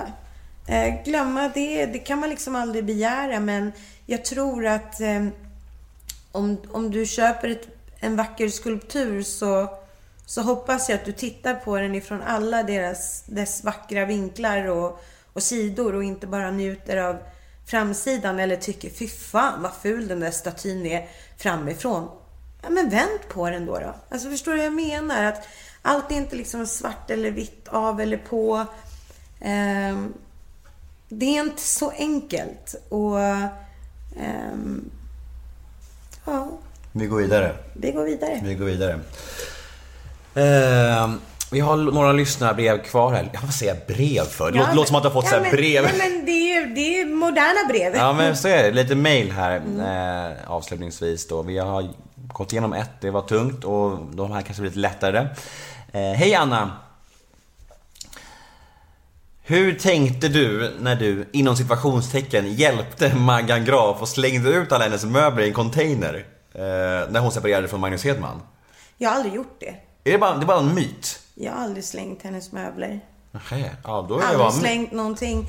Ehm, jag hoppas att, däremot att hon är väldigt glad över hur fint jag vek ihop hennes bröllopsklänning och skrev på en låda. Och jag har aldrig slängt något. Jag har aldrig sålt någonting som är Magdalenas. Däremot så hjälpte jag ju Magnus Mm. eftersom han är en vän till mig. Eh, och vid det tillfället mådde väldigt, väldigt dåligt i ett stort, stort hus med ett stort, stort garage. Och två små pojkar, eller ja, tre pojkar hade han ju där, eh, men två biologiska som liksom eh, han behövde ta hand om. Och då var jag där som en av flera vänner som hjälpte honom att, sortera och rensa och liksom ställa i ordning och lägga ner saker i, i, i kartonger och kassar och liksom så att han skulle få lite struktur runt omkring sig. För det var vad han behövde. Eh, och det enda som kastades, det var ju trasiga spel och eh, o, vad heter det, udda socker och sådana där saker. Jag satt eh, med två sådana här IKEA-kassar och rensade liksom fotbollsstrumpor och jag har liksom inte kastat en strumpa som går att använda utan det, det, jag har aldrig sålt eller slängt någonting av Maggans saker eller möbler. Eh, skulle aldrig få få för mig att göra något sånt heller. Nej. Eh, utan var det någon som kastade något så då var det faktiskt Magnus. Så då är det Magnus ni får skylla på för att eh, jag fick green go för allting och eh, jag har aldrig tyckt någonting illa om Magdalena. Kommer inte göra det heller. Och ehm, det var en infekterad skilsmässa och de hade det väldigt eh, kämpigt och slitigt. Och det måste man ju förstå liksom. Och, och sen har hon de som följer henne och tycker om henne och, och Magnus har sina och jag har mina. Mm. Och så börjar folk att kriga med varandra. Och återigen, en liten fjäder blir en fet kalkon. Det är så lätt att säga ett ord om någon, säga en sak om någon. Och sen undrar man, varför skulle hon säga det om inte det stämde? Jo, men nu sa hon det och kanske inte förväntade sig att det skulle bli en sån lavin till följd av det uttalandet. Och, och helt plötsligt så står du där och så vågar du inte säga, äh, fan förlåt, alltså jag ljög. Eller, åh oh, what the fuck, vad fel det blev, nu överdrev jag. Och då är det, då släpper man det bara. Mm. Och jag är inte en sån människa. Jag är inte en sån människa. Men orkar jag strida för att så här, göra blogg? Jag gjorde, försökte jag gjorde ganska tappra försök där via min blogg som jag hade. att faktiskt på ett så snyggt och moget och städat sätt som möjligt eh, skriva då att, att liksom redan då hur situationen var med att jag fick hyra eh, Magnus bil och såna här saker. Och det är klart att jag förstår väl att, att det gjorde lite ont i Maggan att, att jag eh, fick hyra den av honom under, jag hyrde den bara i två månader. Men, eh, men det, det, är klart, jag blev ju lite ledsen på Maggan också när hon då sitter i sin blogg och skriver liksom, ja men det är klart att hon behöver en sån stor bil med alla sina ungar. Och jag menar, det vet vi ju alla att hon syftade ju på att jag var fet och ingenting annat. Det var ju inte liksom alla mina ungar eh, som hon syftade på. Och, och jag tycker liksom inte illa om Maggan för det. Utan jag, jag förstår ju att det var tufft under separationen och skilsmässan. Men jag har aldrig sålt hennes saker och jag har aldrig kastat hennes möbler. Utan jag har alltid behandlat deras enskilda, det vet ju inte jag vilket som var enskilt eller inte, men eventuellt enskilda och gemensamma med den absoluta största respekten. Men och sen vet du vad? Nej, berätta. Jag lärde faktiskt hennes pojkar att eh, det är någonting fint med att stå på loppis och, och det som är ditt skräp är någon annans skatt. Verkligen. Och att man kan eh, tjäna pengar på det sättet också. Om inte annat för att bara köpa en liten godispåse på lördagen. Så, Helt rätt. Mm. Jag tycker att de här eh, lyssnarfrågorna är lite, lite hårda. Jag får lite ångest över fråga dem. Du får säga till om du, du får säga stopp. Om, Nej, kör. Ja, men alltså jag vet inte bara att det, inte- det är inte mitt fel känner jag. Nej, jag vet hur folk är. Ja. Det är lugnt. Vi kör vidare då. Eh, varför har Anna brutit med sin riktiga syster Pia? Eh, varför jag har gjort det? ehm, eh, ja, nu är det någon som antar att det är jag också som har gjort det. Det är ju ganska intressant. Ja, men det är det jag menar, det är, det är intressant med det här för det händer en grej och så tror, så antar folk det. det är så här, du står vid en container, då slänger folk grejer. Mm. Du snackar inte med din syrra, då är det du som har brutit. Det är Mm. lätt folk drar sina slutsatser av Precis. sitt Hon, liv. hon kanske skulle bli oerhört kränkt över att jag sitter här och säger att det är jag som har brutit med henne. Mm. Nej, vi behöver inte prata om det, det är helt Eh, okej. nej, jo, alltså jag, jag, vill gärna göra det. Men jag, jag tycker det är lite fascinerande att man säger varför jag byter med henne. Ehm, så kanske är det någon som känner till sanningen som Mm. ställer frågan. För det är ganska ofta så. Att Mm. de här frågorna kommer ofta ifrån gans, ganska mycket närmare håll än vad man tror. Och jag är inte vare sig dum eller ful. Eh, jag är både snygg och smart. Eh, och nu är det väl så att jag är en blivande 48-åring. Jag är mamma till tre barn eh, och jag är gift sedan 17 år, i en relation sedan 20. Och jag väljer att svara ärligt och diplomatiskt att vi har brutit med varandra. Eh, det är som natt och dag. Och eh, det finns... Eh, jag tror liksom att vi, vi kom till en vägs ände där det var dags att liksom... För hennes välbefinnande fick hon fortsätta med sitt. Och för mitt välbefinnande så får jag fortsätta med mitt. Och det finns från min sida ingen, inget agg eller ingen väl, alltså så här, vad heter det, ovilja till att liksom så här, åh, önska någonting illa. Utan tvärtom, bara njuta av livet och må bra. Men jag är på en bra plats eh, där jag är. Så att, eh, ja, så är det liksom. Bra svar. Tack. Ärligt, ärligt bara. Ja, bra. Det, du jobbar på bra tycker jag. Mm. Eh, nästa då. Hej Anna, varför jobbar inte din äldsta dotter? Gör hon inte? Nej, jag vet inte, Ja. jag har ingen aning. Nej, nej det, var, det, var, det var intressant. Jag har ingen aning Anna. Alltså, Nej. jag läser bara. Ja, nej, men det, återigen, då har vi till antagande. Ja. Ja. Ja, det är så roligt att folk vet mer om mitt liv och mina barns liv och våra förehavanden än vad vi själva gör. Så jag säger bara, don't you worry about my daughter. I have her and she has herself. Perfekt. Och om du inte förstod det så får du ta någon Google Translate så ska du se att det ordnar sig. Hej Anna! Jag vill höra dina tankar om metoo. Eh, tankarna om metoo är ju väldigt, eh, väldigt stora och väldigt liksom... Eh,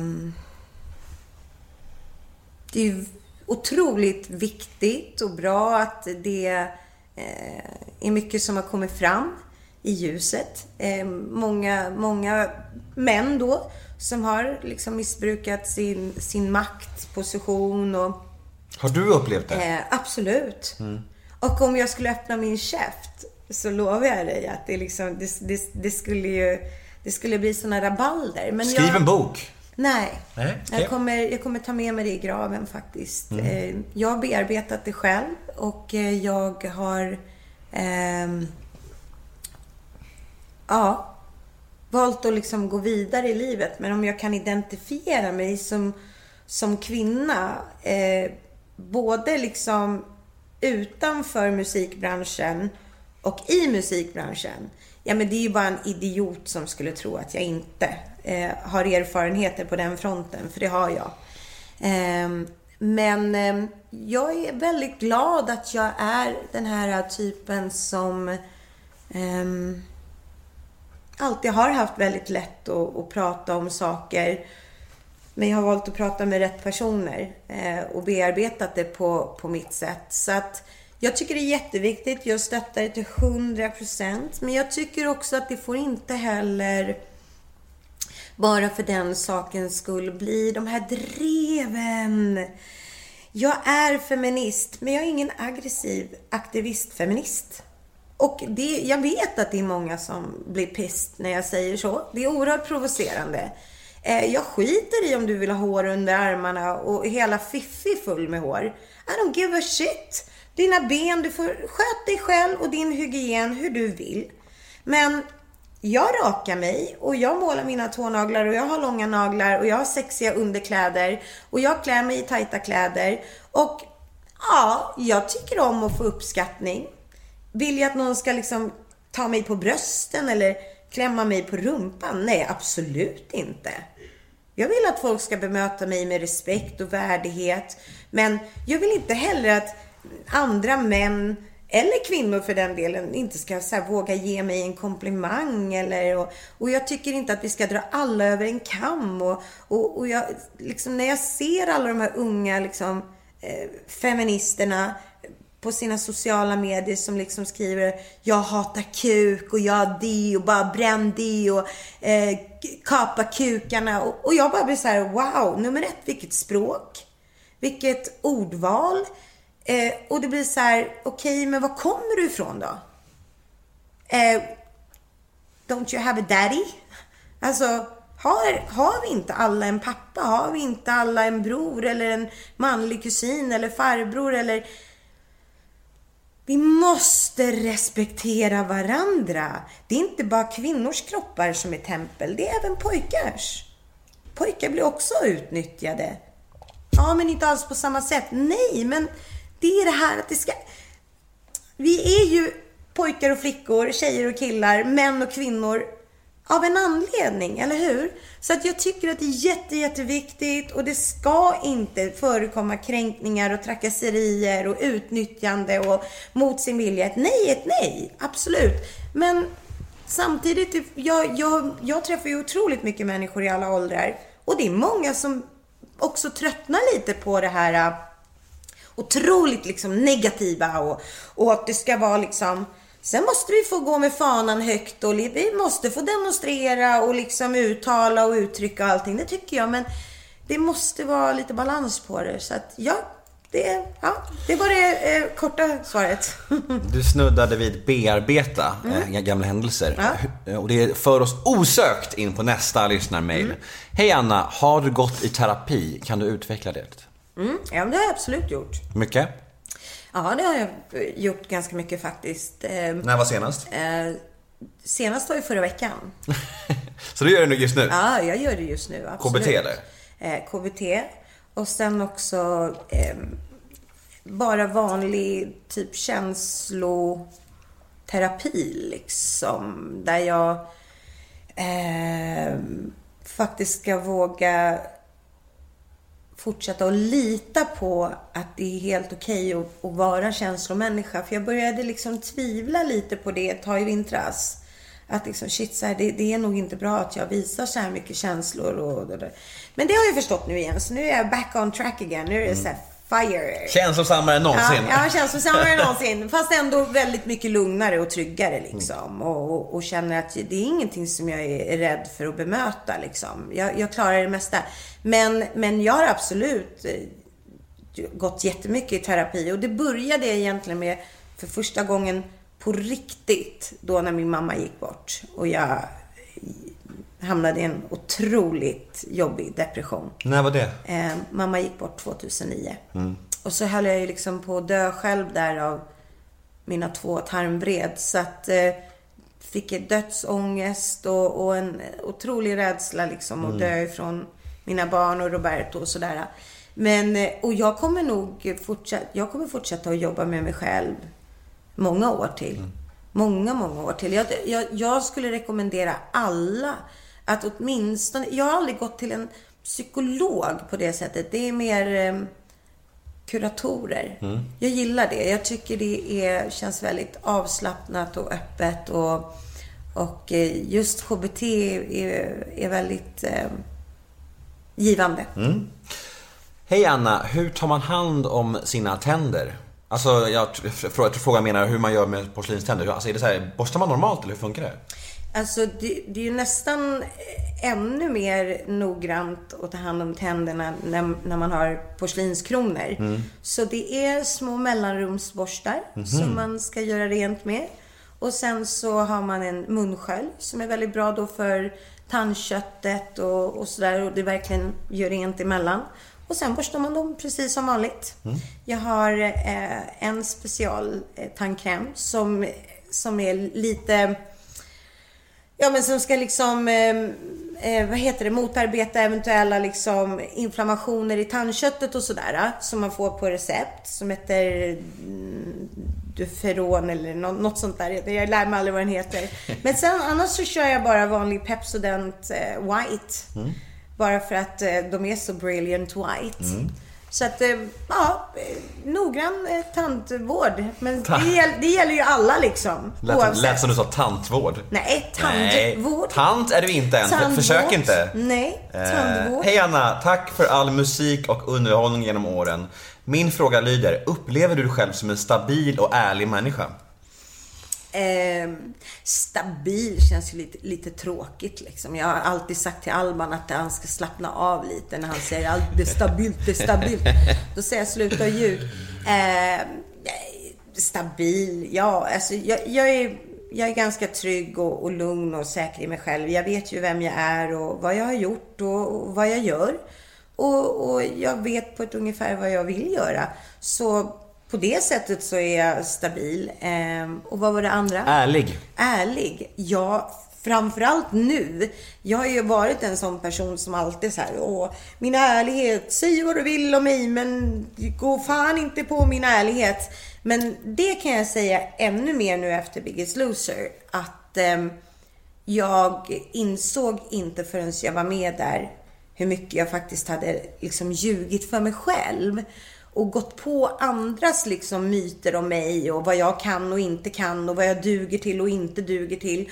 Och det är ju när du liksom ljuger för dig själv som du faktiskt på riktigt inte kan äga det här med att du är en ärlig människa. Så att idag kan jag äga att jag är en ärlig människa. Mer än någonsin faktiskt. För jag är brutalt hård mot mig själv i första hand. Och då känner jag att då har jag lika stor rätt att vara det även med dig. Veckans mail nummer 10. Ja. Berätta om bråket med Aja Snickaren. Vad hände egentligen och hur mycket var stageat? Ehm, Var allt äkta? Stageat är, betyder att, att Ja. fejkat liksom? nej, alltså det var ju ingenting som var fejkat där. Det var väl snarare kanske lite för mycket som man valde att ta bort. Mm. Så att det blev kanske lite märkligt för den som tittade. Vad hände då? Nej, men alltså det är ju... Jag är ju som sagt en känslomänniska. Eh, och de är ju ändå här i fem dagar och håller på och river och upp. Det var här? Ja, Mm. här. Jajamensan. Eh, och liksom kom in i mitt liv då jag faktiskt var inne i en depression. Och det tror jag är ju väldigt svårt för en människa som inte har lidit av depression och, och ångest. Eh, inte kan liksom förlika sig med. Eh, och, och, eller föreställa sig hur det är. Så att ehm, jag kan säga att jag ångrar ingenting. Det är ju, men, det är ju meningslöst, för det som är gjort, det är ju gjort. Eh, men från, från mitt håll var ingenting stageat. Men jag kan tycka att hur man väljer att klippa programmet och, och liksom göra avsnittet. Det, det är ju en, det kan vi ju diskutera. Men samtidigt så är det nu, det blir tre år sedan. Tro mig, jag har lagt det där bakom mig för länge, länge sedan. Sen att det blev fel, så är det ju. Och eh, att det visade sig att jag och Roberto var en utav få som hade ryggrad nog att liksom kämpa för att, vet du vad? Är det inte du som säger gör om och gör rätt? Då får du väl för fan stå för de orden. Och liksom Anders har jag ingenting, jag har inga problem med honom. Jag är inte arg på honom, ingenting.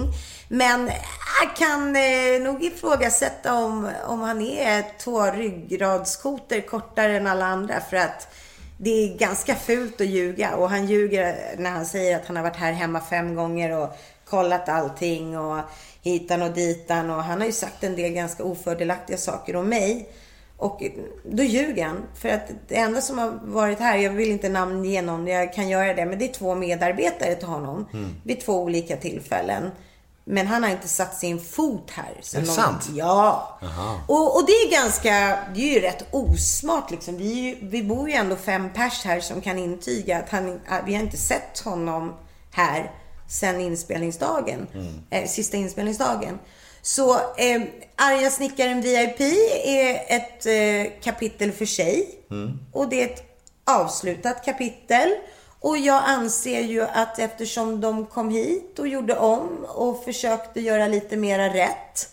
Så var det väl jag och Roberto som drog det längsta strået och hade rätt då. då. För att annars hade de ju aldrig kommit hit och, och gjort det. Nej. Sen kan man gärna säga att ja, men hon var så jävla jobbig. Ja, men vissa saker är ju värt att kämpa för. Va? Sanningen till exempel. Så. Du, vi börjar bli klara. Nej, Hur känns det här? Redan? Ja, vi har hållit på i två timmar. ja, det är ingenting. Jag brukar hålla på i fyra.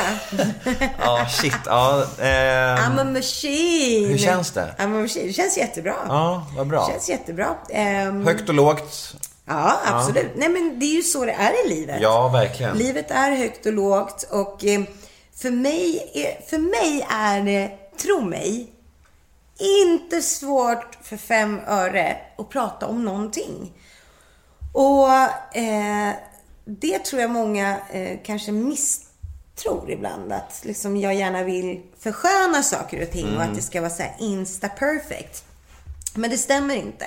Men sen är det ju så att det är ju inte bara min röst som ska höras i, i, i vissa saker och vissa sammanhang. Och det skulle jag vilja få eh, de som lyssnar på, på din podd och, och liksom tänka lite på i sina egna liv. Och nu, nu snackar inte jag om mig, men om ni hör någonting om en polare eller liksom någon som känner någon och den och den. Var inte så snabba på att döma och tänker för vad ni liksom gör på sociala medier och i livet. Och det är så lätt att, att, att se någonting. Och ja men det står ju här, svart på vitt. Mm. Men livet är inte svart och vitt. Det är det inte ens för en människa som är blind. Till och med en blind känner dofterna och hör alla olika volymer och nyanser och dofter och allting. Va? Så jag skulle bara vilja att vi ja, kunde bli lite ödmjukare med varandra och ha lite ökad förståelse. Och det är lätt att kasta sten ute i det fria, men vill du göra det om du sitter i ett glashus? Nej, det vill du nog inte. Jag tycker det är ett par bra avslutningsord. Ja. Om man vill följa dig så heter du... Du finns på Instagram och där heter du... Ja, vad fan heter jag? Anna Toledano Bok tror jag. Ja, precis. Jag är ju inte liksom privat längre heller så att, och, och man behöver inte trycka på följa-knappen. Jag får ju mina, jag får ju mina så här statistik.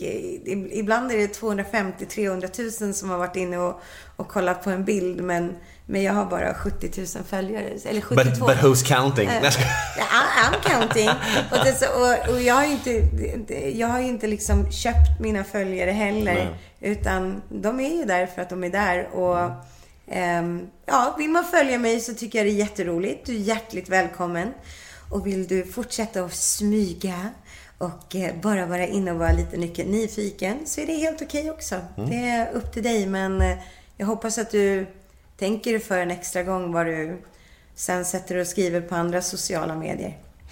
Jag heter Nemo Hedén på Twitter och Instagram. Hashtaggen är NEMOMÖTER. Gå gärna in på Facebook och gilla oss där. Nemo möter en vän. Tack Anna Bok Tack Anna Bok Toledano! Hej då! Hej då!